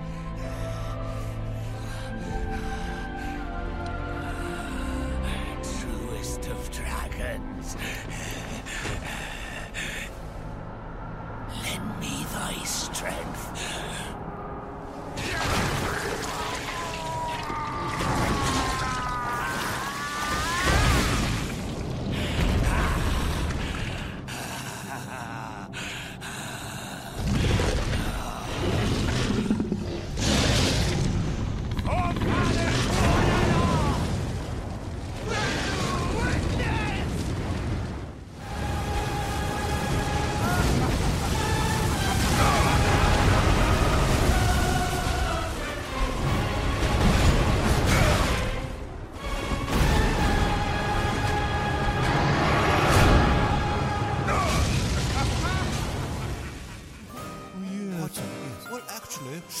What you're saying is a balderdash of ox's feces, sausage tissue, You're a dog.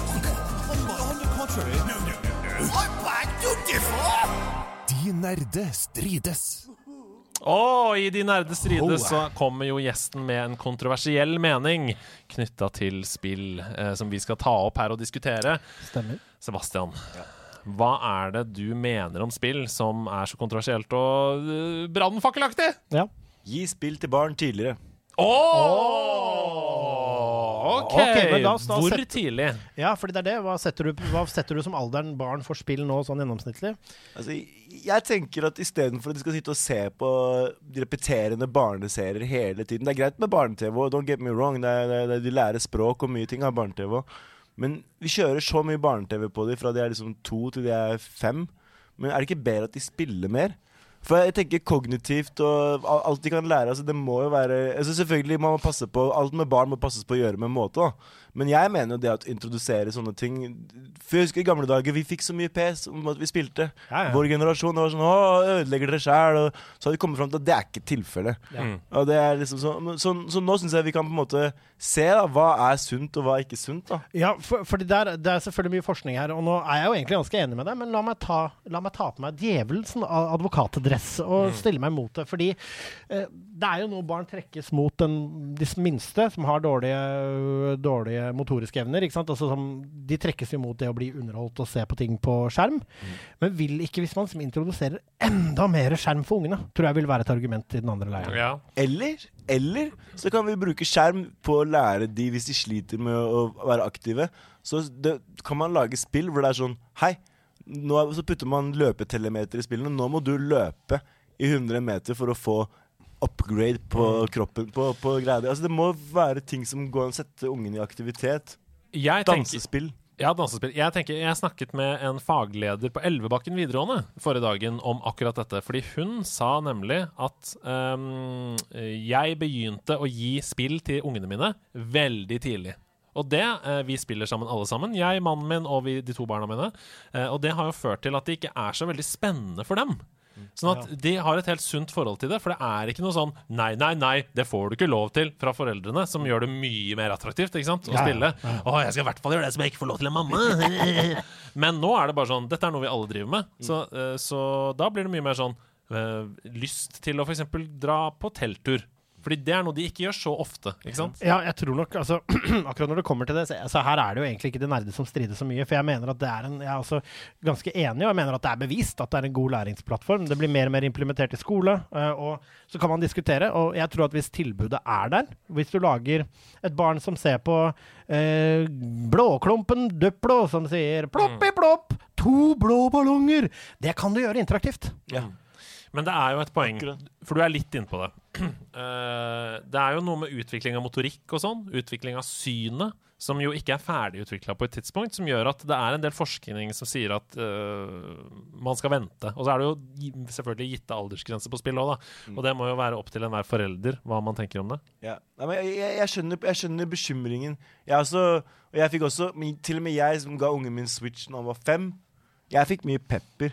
Ja. Eller også nerdevenner som bare sånn Er ikke du jævla tydelig?' og gi ungen din Switch og Men det kommer helt an på hva de spiller. Ja, og så er det sånn, sånn Ja, men det er også så er det sånn Men min unge elsker fysisk aktivitet. Altså, Ja. min unge elsker fotball, elsker ski, elsker hockey, elsker karate. Han er liksom Han er en aktiv krabat. Han ødelegger alle ytterklærne sine, for han skal opp i alle trær i barnehagen. Han, han er en aktiv krabat, men så liker han å game også. Ja, Og, det er sånn der, og da skjønner jeg ikke Og det, Han lærer masse engelsk, han lærer finmotorikk, han lærer seg tålmodighet, det å ikke gi opp. Altså Han lærer så mye av, av det, så det men, men selvfølgelig så må du sette grenser. Du må ha liksom Nå er det ukedag, nå er det helg, nå er det ferie, ikke ferie. Altså, du må ha du må sette, Barn trenger grenser, det er vi alle enige om. Ja, ja, og jeg, jeg, tror, og jeg tror liksom det der at hvorfor må den, ro- hvorfor må underholdningen i sofaen når man skal slappe av være passiv? Nei, det, er det, altså, det er der jeg er. Kan ikke den være Ungene er litt mer interaktive. Det er sånn, Jeg er jo kunstner også. Jeg danser jo. Nå har jeg vært ute i skolesekken i tre uker og underholdt barn mellom 9 og 12 år med danseshow med kompisen min Nasser. ikke sant? Og det vi har lært, er at jo mer du lar de være med i forestillingen, Mm. altså interagere i forestillingen, svare på spørsmål jeg stiller dem, få ting vi bruker som props til å bruke mellom seg, de blir så mye mer engasjert enn å bare sitte og, altså, se på. Det er noe med å være med, da. Ja. Barn de, de har så mye bedre av det. Ja, men for å avslutte dette med en kontroversiell mening til, sånn at vi kan strides litt på bakrommet seinere, så sier jeg vi får gi ungene Soulsborne før idretten tar dem. Ja.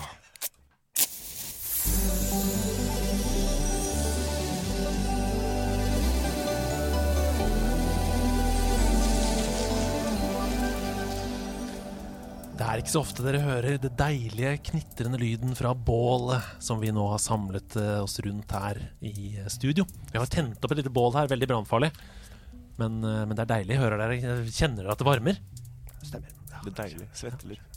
For vi er jo i story mode! Vi er i story mode, og det er altså så sjelden vi er i story mode. Det er så sjelden! Og det skjer jo bare når vi opplever noe eh, fra en uke til en annen som vi har lyst til å fortelle hverandre om her inne. Eh, et eller annet som vi har opplevd sammen. Og jeg har jo opplevd noe! Ok, nå. Denne uka! Så jeg har skrevet en liten historie som jeg skal fremføre for dere nå. Ok, Da skal jeg bare dra krakken bort av glasset her.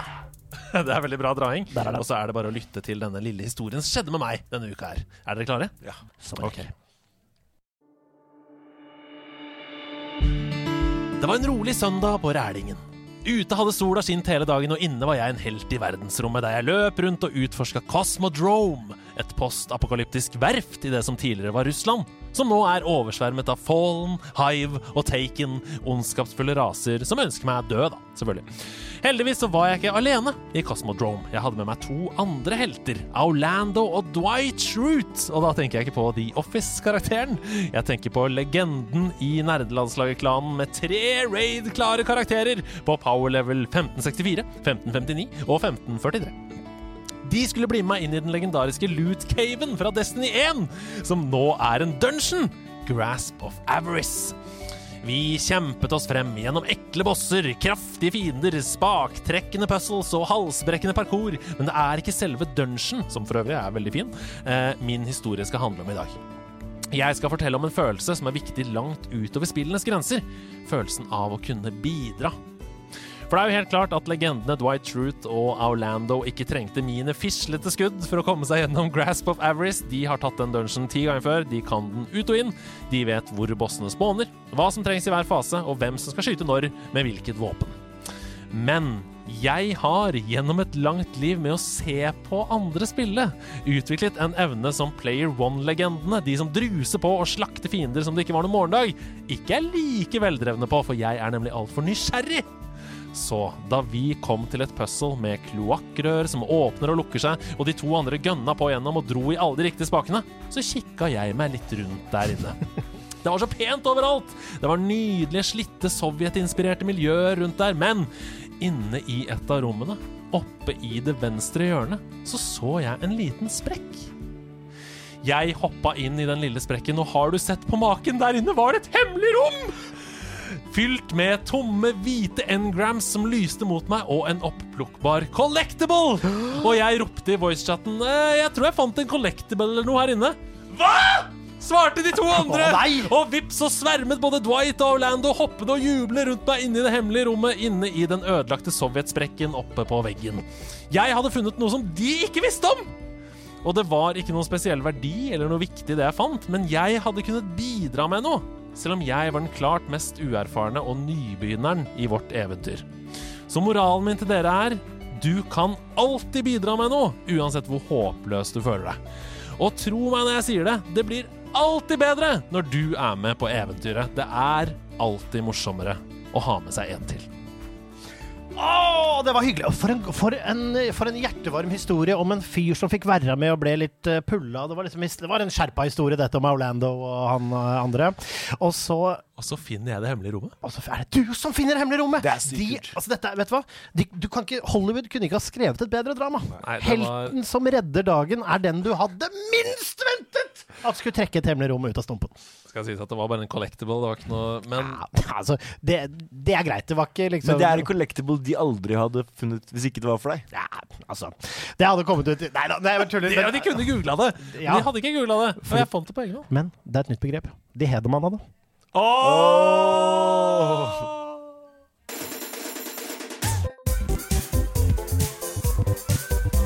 Karakterkortet. Og jeg ser bort på Sebastian, og han kikker ned i gulvet og syns dette er slitsomt. For nå er vi inne i karakterkortet. Det er vi. Har du hørt om spalten, Kjørstad? Nei, det har jeg ikke. Det har du ikke. I karakterkortet så er det sånn at vi hver uke forbereder en spillkarakter som vi skal gå inn i som skuespillere okay, og ja. parodiere her inne. Greit. Og så er det da, Denne uka er det Sebastian som har forberedt en spillkarakter. Og vi to vi skal da som en slags eksaminator og en sensor lytte til hans muntlige eksamen, intervjue han, og så skal vi gi han karakter på fremføringen etterpå. Så hvis Sebastian er Link, for eksempel, så må vi intervjue han og så høre hvordan Link uh, har det. Og så må vi gi karakter. Ah, hvor bra Link syns vi dette var? Ja. Gøy? Gøy. Greit, vi kjører. Vi kjører. Uh, hvilken uh, karakter er det du har forberedt? Det er Reinhardt. Det er Reinhardt! Det er Reinhardt fra Det er- Overwatch! Det er Reinhardt. Det er Reinhardt, selvfølgelig. Det er Reinhardt. Eh, så det var litt gøy at det skulle komme Overwatch-nyheter i dag, fordi jeg skal altså gå ut på en grein her og prøve så godt jeg kan. Oi, oi, oi. Da er det jo sånn at vi intervjuer. Føler du deg kvalifisert til å spørre Reinhardt om noen spørsmål, Kjørstad? Altså, jeg tror jeg har sett uh, karakterene sånn uh, Så jeg vet liksom hvordan han ser ut. Ja. Og liksom har sett de spille litt med han. Så jeg, jeg kan nok lage noen spørsmål. Det er ikke Ja, fint. Men da, da begynner vi bare intervjuet. Jeg skal bare ta av meg klokka her, sånn at jeg ser sånn cirka når vi begynner. Og så uh, begynner jeg bare å stille spørsmål. Er du klar som Reinhardt der borte? Ja, jeg er klar, ja. OK. Klar, ferdig. Eh, Hei, Reinhardt. Velkommen til studio. Honor! Justice! Reinhardt, Reinhardt, Reinhardt! Det er voldsomt, selvfølgelig. Hva, hvorfor er liksom honor og justice så viktig for deg, Reinhardt? Is that all you can say?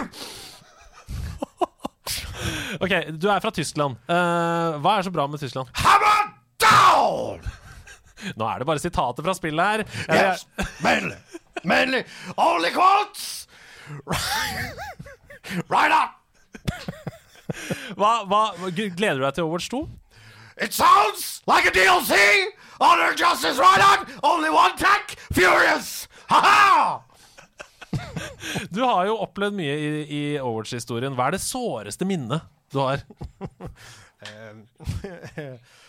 Hammer down! I'm going for a. Very sad moment. Og der er vi ferdig! Ah, Det er så vond spalte når man ikke har det inne! Altså, jeg bestemmer meg for ikke å øve, fordi jeg tenkte hvis jeg gjør dette for meg selv, så kommer jeg til å innse selv hvor dårlig Reinhardt faktisk er. Så er det bare å piske kritikken. Men det skal være sagt! Jeg gjorde mitt beste.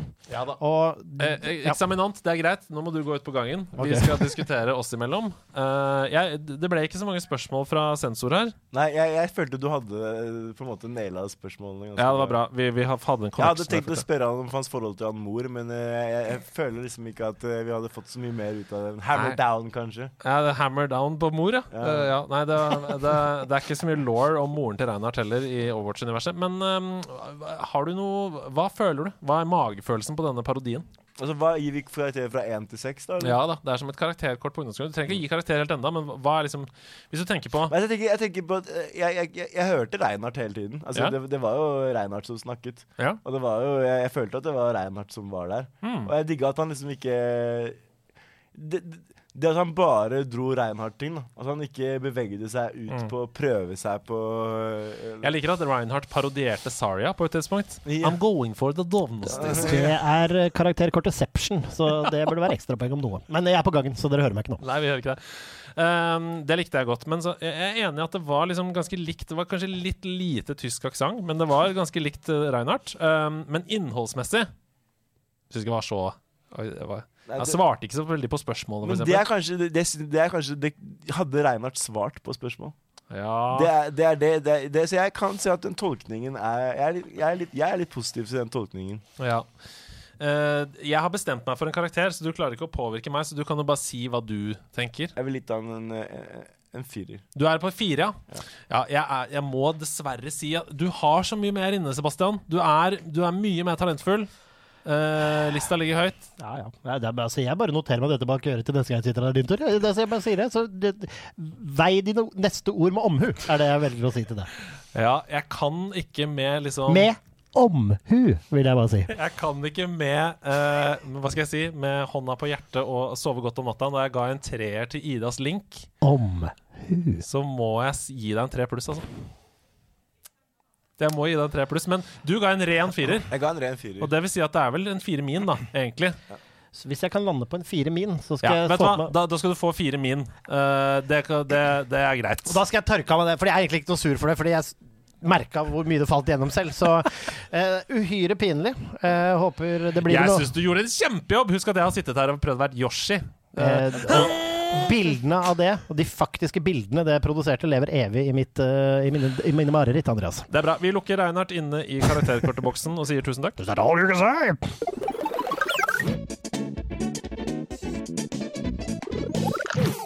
Pokey i posten.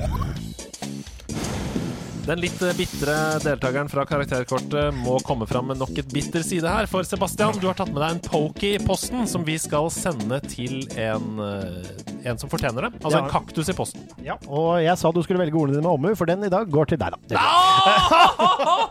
Det, det hadde vært fint. Jeg hadde fått en pokey i posten! Nei da, la meg jeg hadde blitt litt mer høy på deg sjøl. Og... Vært med i alle episodene og kanskje i noe andre plass. Og, uh, hva om jeg er programleder en gang, så Jeg syns du er flink til det du driver Jeg er ikke noe bitter for det. Andreas. Du er instrumental i denne prosessen, men eh, kanskje ikke andre får plass. Nei da. Dette må vi ta i styremøte, merker jeg. Eh, vi klipper ikke her, som Andreas ville sagt. Hva er din poke i posten? Du, eh, min poke i posten eh, kommer fra en, en surmaga fyr som begynner å bli gammel gamer. Oi. Som har sett en krampeaktig trend i spill som jeg nå er i ferd med å bli så møkka lei. Og det jeg Oi. snakker om, er selvfølgelig dans i spill! Og med det så mener jeg ikke liksom at folk lager sin egen hvorfor skal alle spill ha en danseemot? Ja Kan jeg ikke få altså, Jeg var så redd når Elden Ring kom. Er det dans? Hvis det er en fuckings floss i spillet, så skal jeg ikke spille det. Altså, Da er det nok. Og for meg så topper det seg i ett spill, og det er der kaktusen går. Men det er på vegne av alle spillere som ikke trenger dans. Fortnite gjorde det. Det er et morsomt, ellevilt, fargerikt spill. Fint! Dans! Jeg blåser i det. Men NHL! National Hockey League! Er det sant? Er det danse-emote i NHL 20... Hver gang du skal se Play of the Game Før så var det sånn kult bilde av Austin Matthews. Boom! Kult bilde av Austin Matthews. Fikk du se det stilige goalet ditt. Nå flosser Austin Matthews, eller gjør det Snake, eller et eller annet piss i den introfilmen, og det ødelegger episke hockeyøyeblikk. Alt trenger ikke være for danseglade tiåringer som skal digge spillet. Hockey, det er for tiåringer fra før! Vi trenger ikke floss! Oi, dette er sterke ord. Uh, jeg skjønner hva du mener, for tradisjonelt så er det sånn uh, Hvis, hvis uh, Louis Hamilton i det nye Formel 1-spillet hadde flossa i det han hadde vunnet, det hadde ødelagt veldig mye for meg. Ja, for det er sånn verdighet Eller Viktor Hovland, hvis du spiller golfspill, står og flosser når han tar ho- hole in one. Ja, men det, det, det, det er jo nøyaktig det som skjer i NHL! De har ikke begynt med det Fifa ennå. Takk, min gud. Men men er det kanskje der at sportsspill er et problem, da? For der skal det liksom Nei, men jeg syns det er krampaktig. Det er så mange steder de legger det inn. Fordi Fortnite hadde det som en jævlig fet ting, og sikkert flere andre også, så arrester meg der. Men jeg vedder på at det er sånn Call of Duty og så sånn, ja, men Overwatch har jo dansing, og Destiny har jo dansing. Destiny har dansing, og så er det igjen sånn OK, jeg kan, kan leve med det når det er litt tongue in cheek, men det er sånn Hvorfor, altså, det er gøy med en chicken dance, som man kan tøyse og tulle, men det er bare så, Alt trenger det ikke! Nei. Alt trenger ikke dans. Alt trenger ikke å catere til kids. Og Nei. dette er en surmaga gammel gamer, for disse spillene er fine for kids uten dans! Det Ja, går det er helt fint. Du er jo danser, eh, Sebastian. Hva syns, du, hva syns du om dette? Ja, nå skal du høre her. Nei da. Altså, jeg er på en måte litt enig. Man trenger ikke å altså, det, det, Man trenger ikke å ha dans i alle spill. Det er altså danse ja, altså, Du kan til og med kjøpe dansemotis i NBA 2K. Jeg må si det, det er litt provoserende. Det, det, det, det er det, liksom. Og, det er, og det er sånn, men, men jeg skjønner i 2K, når du spiller streetball, da, så blir det litt mer sånn du kan mokke hverandre etter du har gjort en bra ting. Men det kunne holdt med liksom mokking gått oppå dem, liksom ordentlig basketmokking. Det Mm. blir ikke noe mokking når du skal stå og gjøre sånn Ikke- ikke- dårlig dansing, for da, blir, da ser du bare teit ut. Så tenker jeg sånn, du, du får ikke noe over meg ved at du danser og danser det tullet der, liksom. Og det driver de med Fifa også. Det er sånn, Ja, det er mange morsomme feiringer i Fifa, og vær kreativ med det, men ikke lag en halvtimes cowboydans! Nei. Som du kan gjøre! Fordi alle kommer til å bruke den hele tiden! Ja, er ikke, er, den- ikke er den gøy å se på, ikke er den noe med fotball å gjøre, og folk som bare spiller og spiller og spiller. Det eneste de gjør, er å gjøre det og spamme for å prøve å få deg til å ragequitte. Ja, så er det dårligere pacing på spillet, for det drar deg ut av det som skjer. Ah, Så- fy faen. Altså, det er altså det, Min poker, og den går til NHL akkurat fordi det er det mest konkrete jeg kommer på akkurat nå, fordi det er så jævlig dårlig utført også. Det ser ikke noe bra ut. Det er, det ser ikke, det er ikke bra dans engang. De har lagt inn floss og sånn. der. Øh, Vet du hva? Den går til dem, og det er egentlig bare min måte å si Absolutt, Du trenger ikke å hente elementer som er kult i alle spill, og putte dem det inn i absolutt alt. Nei, nei, det som trender nå, ta og ha litt is i magen og litt respekt for det du lager. få noe annet å trende sjæl. Ja, du vet hva? Vi sender dobbel, vi setter dobbel i dag. Det er nydelig. Tusen takk for en herlig poke. Vi skal videre, og nå må dere eh, se på hverandre og fighte till the bitter end. Till the death! Pirate noises! Ah, og lydblanken rusler langt krabber der Kaptein Sabeltann som sitter her direkte fra Kjuttaviga. Ah, hardt brennevin i gløggen, dra meg baklengs inn i bølgekassa. Ah, dere to må Jeg skal skure dekket med dere to matrosene, dere. Jeg er mer en slags kaldjomfru ansvar for mat og stelling. I går lydplanken så er dere to pirater. Um, Liker overgangen. Jeg liker den nøkterne overgangen Eh, best. ja. Dere skal da stå på hver deres planke ut fra mitt piratskip uh, og konkurrere mot hverandre. Jeg skal spille av lydklipp. Og når dere vet hvilket spill vi hører musikken fra, så må dere rope navnet deres og avbryte min spilling. Kjempeproblem. Ja, Vi heter begge Sebastian. ja da må det være Seb og Sebba eller noe sånt, da. Eller så bare tar vi lille store. Ja, og du sier store. Ja, jeg sier lille. Lille. Ja. Klarer du å huske dette når det koker i Store. hodet? Ja. Ja, lille. Det er veldig enkelt. Lille, store. Ok, lille, store. Det er bra. Uh, når dere vet hvilket spill det er vi er fra. Og så kommer det et oppfølgingsspørsmål knytta til det spillet etterpå. Uh, men eh, når vi hø hører musikk, da er det førstemann. Og den som taper, må selvfølgelig gå lydplanken, hoppe ut i musikkmyra, bli spist av G-nøkken der nede. Og for å si det sånn ja, Jeg skal ikke spoile for mye, men for, altså, vi, vi, vi står i fare for å vinne flere seriøse radioteaterpriser i år. Ja, ja, og det er altså ikke noen spøk å bli spist av G-nøkken. Vi gønner i gang med det første spillet. Husk å rope navnet Nei, lille store. Ja. Stor. Når dere vet Lille. hvilket spill vi skal fram til. Lille. Eh, Smash Bros. Ja! Det er Super Smash Bros. Ultimate, og Lille tar det med en gang! Ah, du store alpakka. Hør på denne det, det hører jeg mye hver dag, skjønner du. Ja, det er raskt. Det var fryktinngytende, faktisk, eh, Seb. Men har du altså en liten eh, flipper du som spiller Super Smash? Yes, all the time. Oi, han er competitive, han. Ha, ha, du, altså, jeg, jeg gidder ikke å spille Smash Bros. på den. For å si på den måten. Wow, det er helt sjukt eh, raskt, faktisk. Veldig, veldig bra. En midt på nesa, det. Helt fantastisk. Eh, ta altså utesteng til Twitch-chatten. Ta altså utesteng han som spammer sin egen kanal i chatten. Eh, for, all, for all fremtid. Fint! Der ble den sletta. Ha det. Ha det. Eh, vi, vi skal til oppfølgingsspørsmålet, vi. Kjør på. Og dette er veldig, veldig gøy. Eh, hvilke av disse her er ikke en karakter i Super Smash Bros. Ultimate? Nå skal jeg lese opp en liste, og det er ikke førstemann her. Dere skal bare bestemme dere for et svar, og så skal dere svare det sånn at man ikke kan lene seg på den andre. Ok. Uh, og da skal vi fram til uh, å- velge mellom disse karakterene. King DDD, Lucario, Inkling, Tails eller Steve fra Minecraft. King DDD, Lucario, Inkling, Tails eller Steve fra Minecraft. Hvilken av de er ikke en karakter? Har dere bestemt dere? Ja. Har du bestemt deg, Lille? Ja.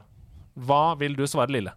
Tails. Tails. Jeg også. Å, det er helt riktig! Det er ett poeng til begge to. Det Det betyr er Sega! at, Det er for lett! eh, det betyr at Ja, men Sonic er jo med.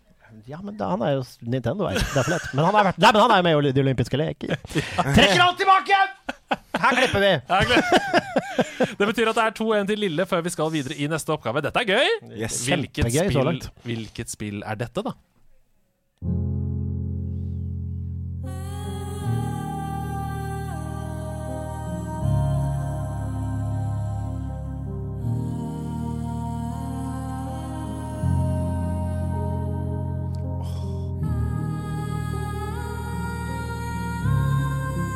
Store? Er det What Remains of Edith Finch? Å, nei, det er ikke What Remains of Edith Finch, men det er samme sjanger. Definitivt samme sjanger. Nei, eller det er ikke det, men det er ja, indie-spill, da.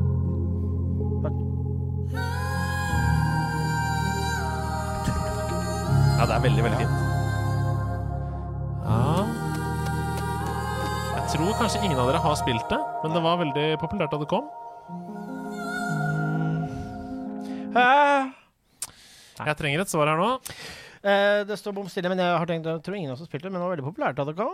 Eh. Mm, uh, Launcha dette studioet, absolutt. Launcha dette studioet òg, ja. Mm.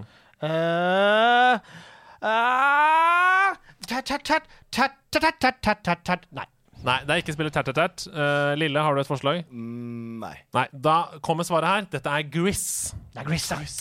Indiespillet Gris. Grå. grå der, altså. Uh, og her kommer oppfølgingsspørsmålet.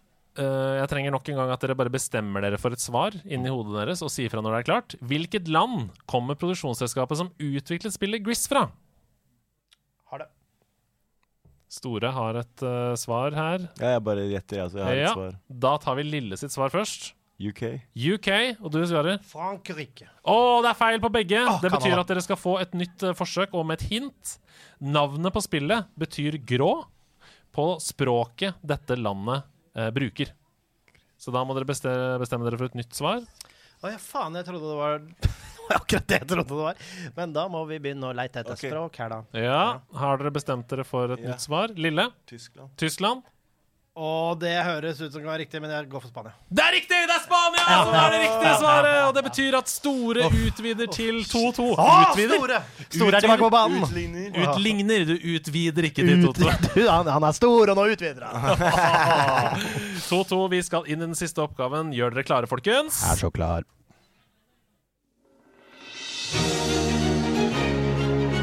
Lille.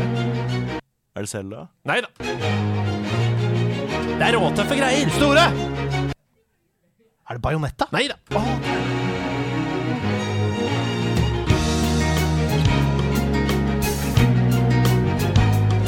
Oh yeah.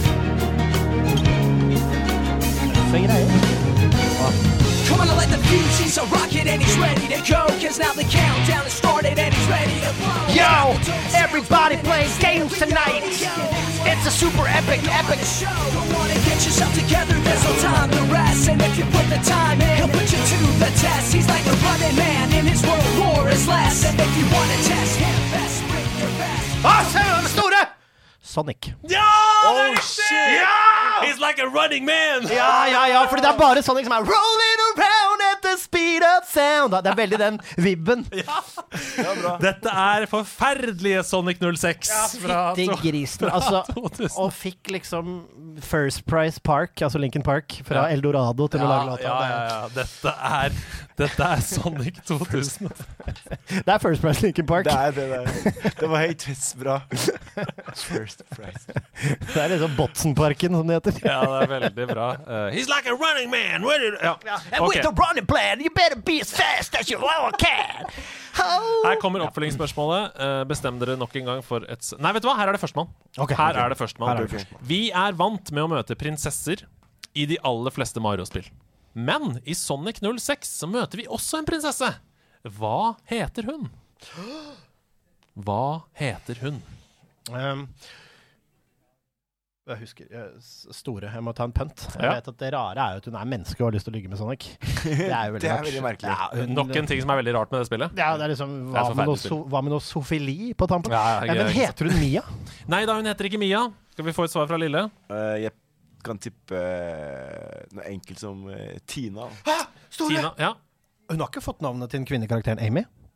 Uh, nei, Nei. det har hun ikke. Men artig at du skulle si det, Fordi nå skal dere bestemme dere nemlig for et svar. Uh, og her kommer alternativene. Her kommer det tre alternativer, og dere skal begge to bestemme dere for ett av de svarene. Er det A. Amy? Er det B. Elise? Eller er det tre B, C. Rogue? Som er, eh, som er riktig. Det er altså Siden det ikke er Amy, som, eh, som Det hadde jeg svart hvis ikke du hadde arrestert meg på tampen. Eh, Så, fordi det heter jo hun katten som man gikk inn på med sløyfa tidligere. Dere må bare Eh, bestemme, bestemme Ja, dere nå. jeg, går, hva var det? jeg går for Elise. Ja, jeg går for uh, det andre. Du går for Rogue, det må du jo, for ellers ja. så taper du. Det er Elise som er riktig! Og det blir en 4-2-seier til Sebastian Brynestad, eller Store. Og det betyr lille Sebastian Kjørstad, du må ut og gå lydplanken! Kom igjen, gå da! Ho! Og nå må du late som du, Du må late som du faller nå. Lat som du faller. Enda mer, enda mer.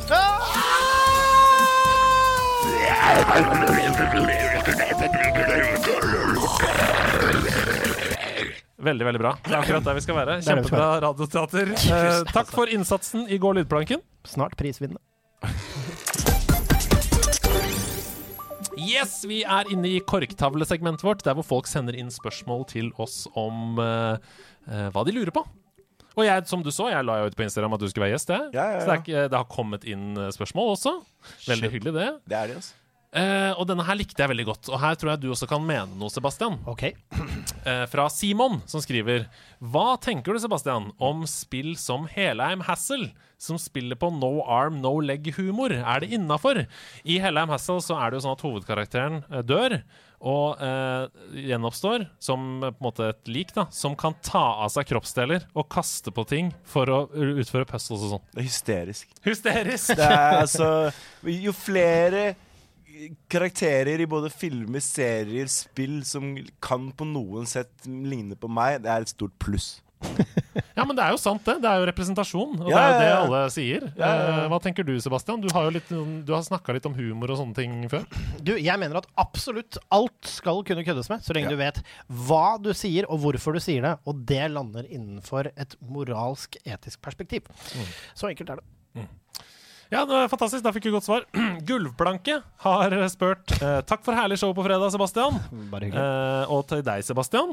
Spiller du og din sønn sammen? Og hvilke spill? Nå har du jo sagt noe, men er det Ja, altså vi, spiller, vi er veldig glad i å spille Pikachu. da Ja. Pikachu Go har vi spilt mye sammen.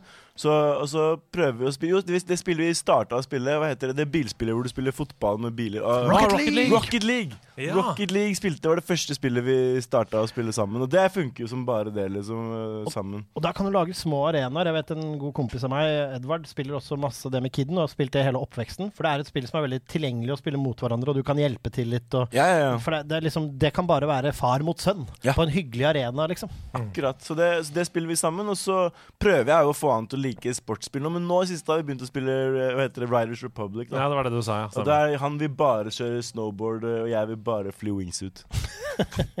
Perfekt. Ja. Hei sann, spør Ragnar, eller sier Ragnar, da. Hvilket spill som er minst 15 år gammelt, kunne dere tenkt dere å se en remake av? Eh, jeg kan jo si med en gang at det hadde jo vært Altså, det, er- det er liksom vanskelig å si liksom Super Mario World og sånt, fordi det spillet er så perfekt i seg selv. Så hvorfor skal man få en remake av det når det funker så bra? Det er tidløs grafikk, sånne ting. Men noen av de spillene som jeg har Kanskje Assassin's Creed 2? Ja. Fordi jeg syns storyen der var så helt magisk, og det var så nydelig å være der. Men hvis du spiller det nå, så føles det veldig datert. Jeg prøvde meg altså Jeg vet ikke om Black Flag er 15 år, ja, det er det kanskje ikke. Men, men uansett, da. Det er så hvis det er noen år om å gjøre. Men det prøvde jeg også igjen, fordi det er så bra spill. Mm. Og der er alle komponentene til rette. Hvis det spillet hadde fått seg en ordentlig ordentlig remake, og liksom en full oppgradering til current gen i Egentlig i alt, men, men mye av det samme, liksom. Mm. Det tror jeg kunne blitt fantastisk episk. Altså, jeg har et par eh, Jeg mener jo at man kan lage Jeg har masse kule ideer til, til spill, da for Mm. å forbedre sportsspill. Men nå er spurte det var spørsmål om 15 år tilbake. Mm. Uh, hvis det var et spill jeg kunne remake av Altså, jeg Jeg har satt svar. tenkte på Altså, jeg Captain svaret. Comics, Ja. Ja, The Captain Comics hadde vært helt Comic. sinnssykt. Det, det hadde vært helt rått. Og jeg så det at jeg tror med dagens verktøy ikke det er den mest Altså den mest vriene tingen å lage litt bedre. Nei, nei. Nei, det tror ikke jeg heller. Det er jo eh, indie-folk som lager plattformspill som det der helt sjøl. så det tror jeg kunne blitt uh, veldig gøy, altså. Og det ser jo ut som et bra spill. Og når du har så varme minner fra det, og det var shareware, så er det garantert mange andre som også har varme minner fra det. Jeg kunne tenke meg faktisk en, uh, en, bare en ny launch av Quackshot på, min, Ja! på Sega Megadrive. Quackshot, ja. Det har du snakka om i, um, i fem spill, Sidequesten. Ja, jeg elsker Quackshot, og det, et veldig, det står veldig fint for seg selv, men det er treigt. Det er litt uh, dårlige kontroller der. Altså, det er et veldig sånn finicky spill, for det er ikke helt presist, men det er veldig veldig bra for det. Mm. Hvis det hadde fått seg en full overholdning, ingen lodetider og bare creature comforts, det hadde jeg elska. Hva tenker dere om utsettelser av spill? Kjøttet går, hilsen Darth Hannevik. Jeg tenker at det er en fantastisk ting, fordi det betyr at du tar det på alvor. Um, hvis du utsetter et spill, så er det ofte en god grunn. Og jeg tror det at man setter seg et mål når man ser at man ikke når det, som du også har snakket om i tidligere podder, Andreas, vi har hatt mye som tema her i Nerdelandslaget, det er arbeidsplass for folk. Og det å jobbe på deadlines, det vet jeg alt om, og du alt om. Og det kan være altoppslukende. Og det å noen ganger ta en finger i bakken og si dette rekker vi ikke, enten fordi kvaliteten må høyere, eller fordi det går utover ansatte. Jeg tror det er en ting vi som konsumere skal lære oss å leve med, og ikke bitche om i det hele tatt. Hva tenker du? Det er Fra et sånt perspektiv, hvis f.eks. NBA 2K23, da, to uker før du skulle få det, så fikk du vite sånn det er utsatt i to måneder. Jeg hadde blitt gæren i huet. Det er ikke noe å lure, det er ikke noe å lure på. Men så tenk, jeg hadde nok tenkt samme som Seba hadde tenkt. Da. Bare, ja, men det må være en grunn til det. Mm. Uh, men så er det litt annerledes med 2K, for de, de, de, får, de har lettere for forbe De forbedrer jo bare forrige versjon, så det er, ikke det er, ikke, det er litt slemt å sammenligne. Det, men jeg, jeg skjønner hva du mener, men hvis det er store, nye spill da som skal Mm. lanseres og du, du vet at det er fullt av bugs, og folk kommer til å klikke og sitte der og bare Det er bare bugs, liksom. Mm. Så er det jo bedre å vente. Ja. Eh, Ellers så blir jo folk gærne på det også. Men det finnes en kategori her også. Det er de som ride the hype train, både indie-spill inn mot kickstarter-ting og sånn, som setter datoer for produkter, eller også større utviklere som for å få hypen viser deg en eller annen pre-rendera video og sier 'kommer da'. Og så er det sånn Merker man bare år etter år at det var aldri planen deres! Ikke prøv å fortelle meg noe annet. Ikke si at ah, nei, men det ble utsatt for vi har så mange visjoner, eller du har kickstarta opp ah, nei, men vi skal utbedre. Fuck off! Høres ut som Star Citizen du Ja, snakker ja, om nå. ja. Eh, Star Pickison, som jeg kaller det. På det. Ta den! Enda en! Nei, nei, jeg gleder meg mye til det spillet. Uh, ja. Nei, eh, det var jo, vi har jo sagt det også her i podkasten før, men Shigeru Miyamoto han sier jo eh, A rushed game is forever bad, but a delayed one is eventually good. Vet du hva? Og Shigeru, du lukker den, den spalten der, du. Spørsmål? Takk for en magisk kveld med show og påfølgende henging i K-Town, sier Quaigon Jin. Hei, Quaigon Jin. Tenk at du var i K-Town. K-Town. Selveste Quaigon Jin fra Star Wars også. Var, Ja, var herregud. Satt på knærne der og venta på Darth Maul. Hvilken nerdegreie slash merch sikler dere mest over for tiden? Selv har jeg latterlig lyst på en stor Stormtrooper-figur, aka Barney Stinson sin, i How I Met Your Mother. Ja, Det er ikke noe dårlig tips, men jeg, Mm. har, jeg har en 100% ting som jeg sikler så grassat på om dagen, som jeg har delt med deg. Nå husker jeg ikke hva den heter, men det er en sånn uh, homasj til Gameboy. Mm. Altså, hva er den heter igjen? Du vet hvilken jeg mener? Den super oh, ja, Gameboyen. den, den som er lagd nå, ja. Den Ja. super high-end eh, på en måte emulator-gameboyen som Ja. ser helt rå ut. Ja, og som har funksjoner inn mot lydproduksjon, og den, har, den kan emulere med, med sånne overganger og sånn. Så er den dritstrømlinjeforma og fin. Jeg skal finne ut hva den heter og smelle det ut på discorden vår Mm. eh, i Podpreik. Skal jeg huske det. Men det er definitivt den. Har du noe, Kjørstad, som du sikler på? En nerdete ting? Er det en eh, Michael Jordan-figur i én-til-én? Uh, Altså, nei, jeg, jeg, jeg kunne gjerne bare tenkt meg å få Jeg, tre, jeg trenger å... jeg, jeg kunne gjerne hatt en svær sånn Giannis Antetokounmpo-basket fra NBA, som er liksom hans høyde, da. Wow! Det er liksom tre meter, og må ha den i hagen, for det er ikke plass under taket. typ ting. Jeg liker så flashy ting. Da. Jeg, mm. føler meg jo litt uh, dårlig at ikke jeg har liksom Milwaukee Bucks-flagget hengende på verandaen min etter at vi Ja, var når det er match. Nei, vi vant jo verdensmesterskapet i fjor, så vi, har, så vi har lov til å på en måte henge der et år, da. Det er, så deilig, med, det er så deilig med amerikanerne som kaller det for verdensmesterskapet når det bare er dem som er med. Ja, men, det er, men i basket, sånn som det har blitt Kanskje det var, så var det feil å si, men sånn som basket har blitt Så det er faktisk den ene sporten jeg skal gi dem litt rett til det. For alle de beste europeerne, Ja, ja, afrikanerne ja, ja. latin- USA vinner alltid OL, og det er sant, det. Det, det er veldig Men nå er det fullt Før så var det 10 utlendinger. Mm. Nå er NBA 40% utlendinger. Ja, og NHL har jo også nå Canada som liksom Altså det er klart Finland, men de beste fiskespillerne de er i NHL. Jeg må bare si at for min del så er det altså en pakke eh, av Skyridge-settet til Pokémon som er så sinnssykt vanskelig å få tak i. Det var på en tid hvor Pokémon var på all time low interesse. Det ble nesten ikke printa noe av settet. Arten er så kul, eh, og det er eh, veldig lett å få noe kjempebra. Men fordi det er så få pakker, så er det jo nesten helt umulig å få tak i. så en Skyrish-pakke, den er grønn, og den glinser. Og, Åh, Åh, jeg kan se for dere som ikke ser på strømmen akkurat nå. Det glinser i øynene bak brillene. Det dogger på brillene til Edman nå. Det gjør det, så Da håper jeg du fikk svar på det. Vi går videre til kveldens siste spalte, og det er en sabla trivelig en, det.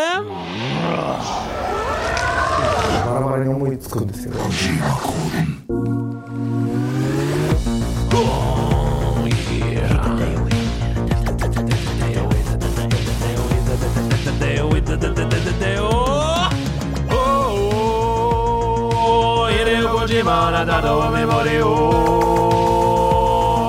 Hideo Gojimara da do memori o Hideo Gojimara da do memori o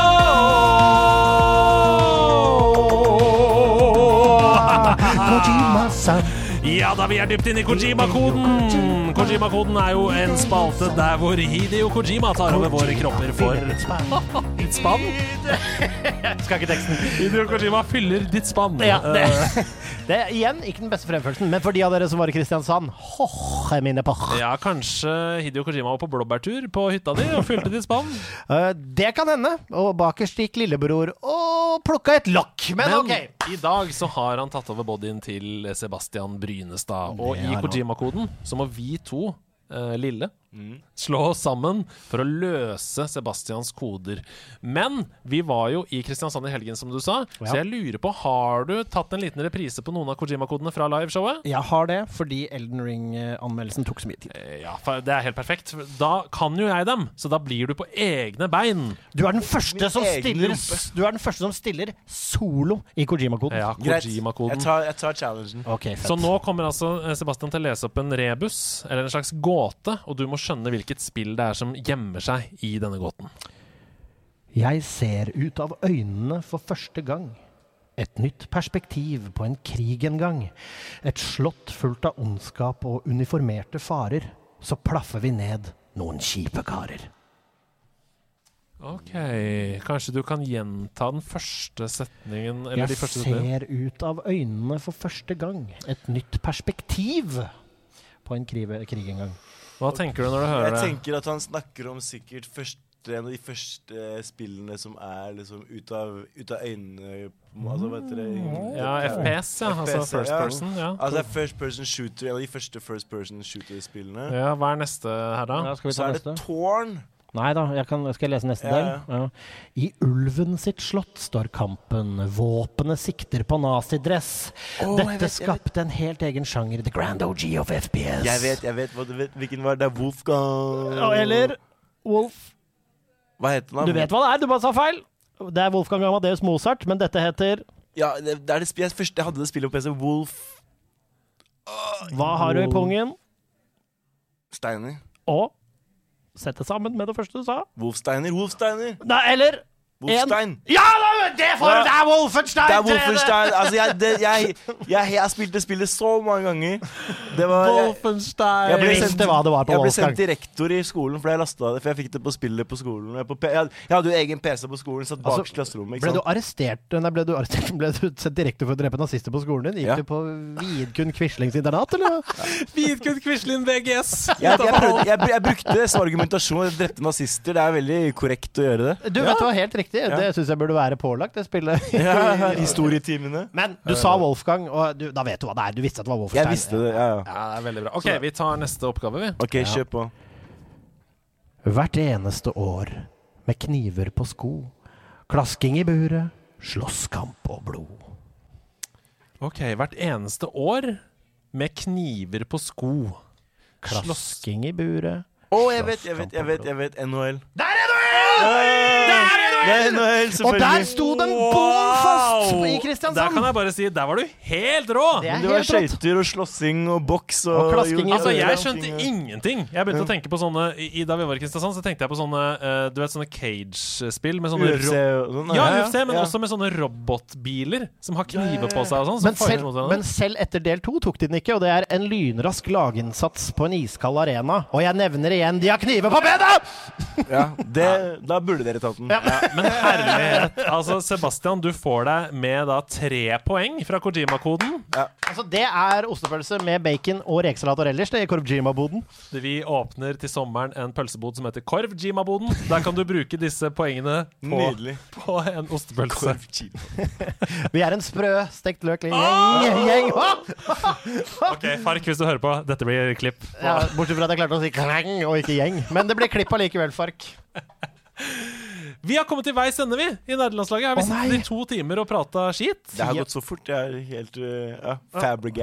Altså, tida flyr godt lag. Sepp. Jeg må bare si, du er en helt rå fyr. Enig. Dere er helt rå fyrer, så det er godt å være i godt lag. Åh, oh, shit. En slags rå trio av fyrer. Det kan jeg godt like. Å, det er så hyggelig. Gå inn og se på oss på twitch.tv nederlandslaget når dere vil. Gå inn og følg Sebastian når han starter sin Twitch-kanal, da. Ja, og Følg meg gjerne på Insta nå. Limbles-Oslo. Ja, Da skal dere få informasjon om Twitch-kanalen. Oh, shit! Pommes frites og komplett, hvis dere hører på. Hook den mannen opp med et eller annet som får streama. det. Og eh, Eller de, de hører jo selvfølgelig på. Og selvfølgelig, til slutt, vi er et herlig lite Discord-community. Vi har nerdelandslaget.com, hvor du kan kjøpe nydelige T-skjorter, gensere, alt mulig rart. Men du kan også bare gå inn der og lese anmeldelser og annet gøyalt stoff. Er det noe annet du har lyst til å legge til til slutt, Sebastian? Jeg synes Det er deilig at dere har nerdelandslaget. Jeg syns eh, man skal alle feire nerden i seg. Og, og, og ja, jeg tar, gjerne, jeg tar gjerne challenge fra hvis det er noen som føler at de er kjendiser og har spilt nok 2K til liksom å få en åpen match på Vi kan lage en livesending hvor vi kan få their ass whooped by left toe. Så, er, så, stiller jeg, så stiller jeg opp, liksom. Jeg stiller opp. Stian kanskje hører litt ek ekstra etterpå den her, men jeg, jeg, jeg vet det bor en 2K i Rian, så Ja, Det tviler jeg ikke på. La meg bare si, jeg føler at med ordene De, de må avslutte sendingen Get your ass whooped by my left toe. Yep. Kjøttegård! Kjøttegård!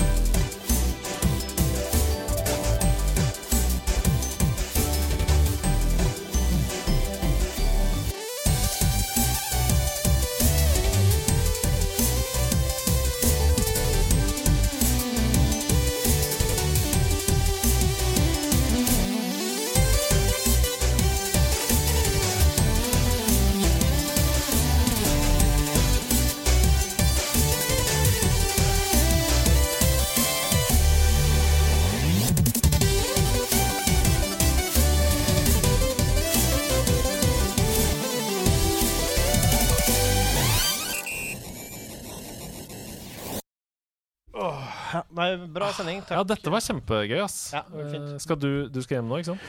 Jeg stikker hjem nå, ja.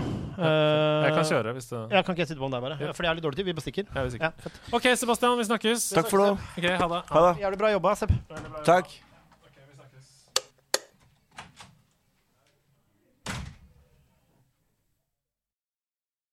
Gutta!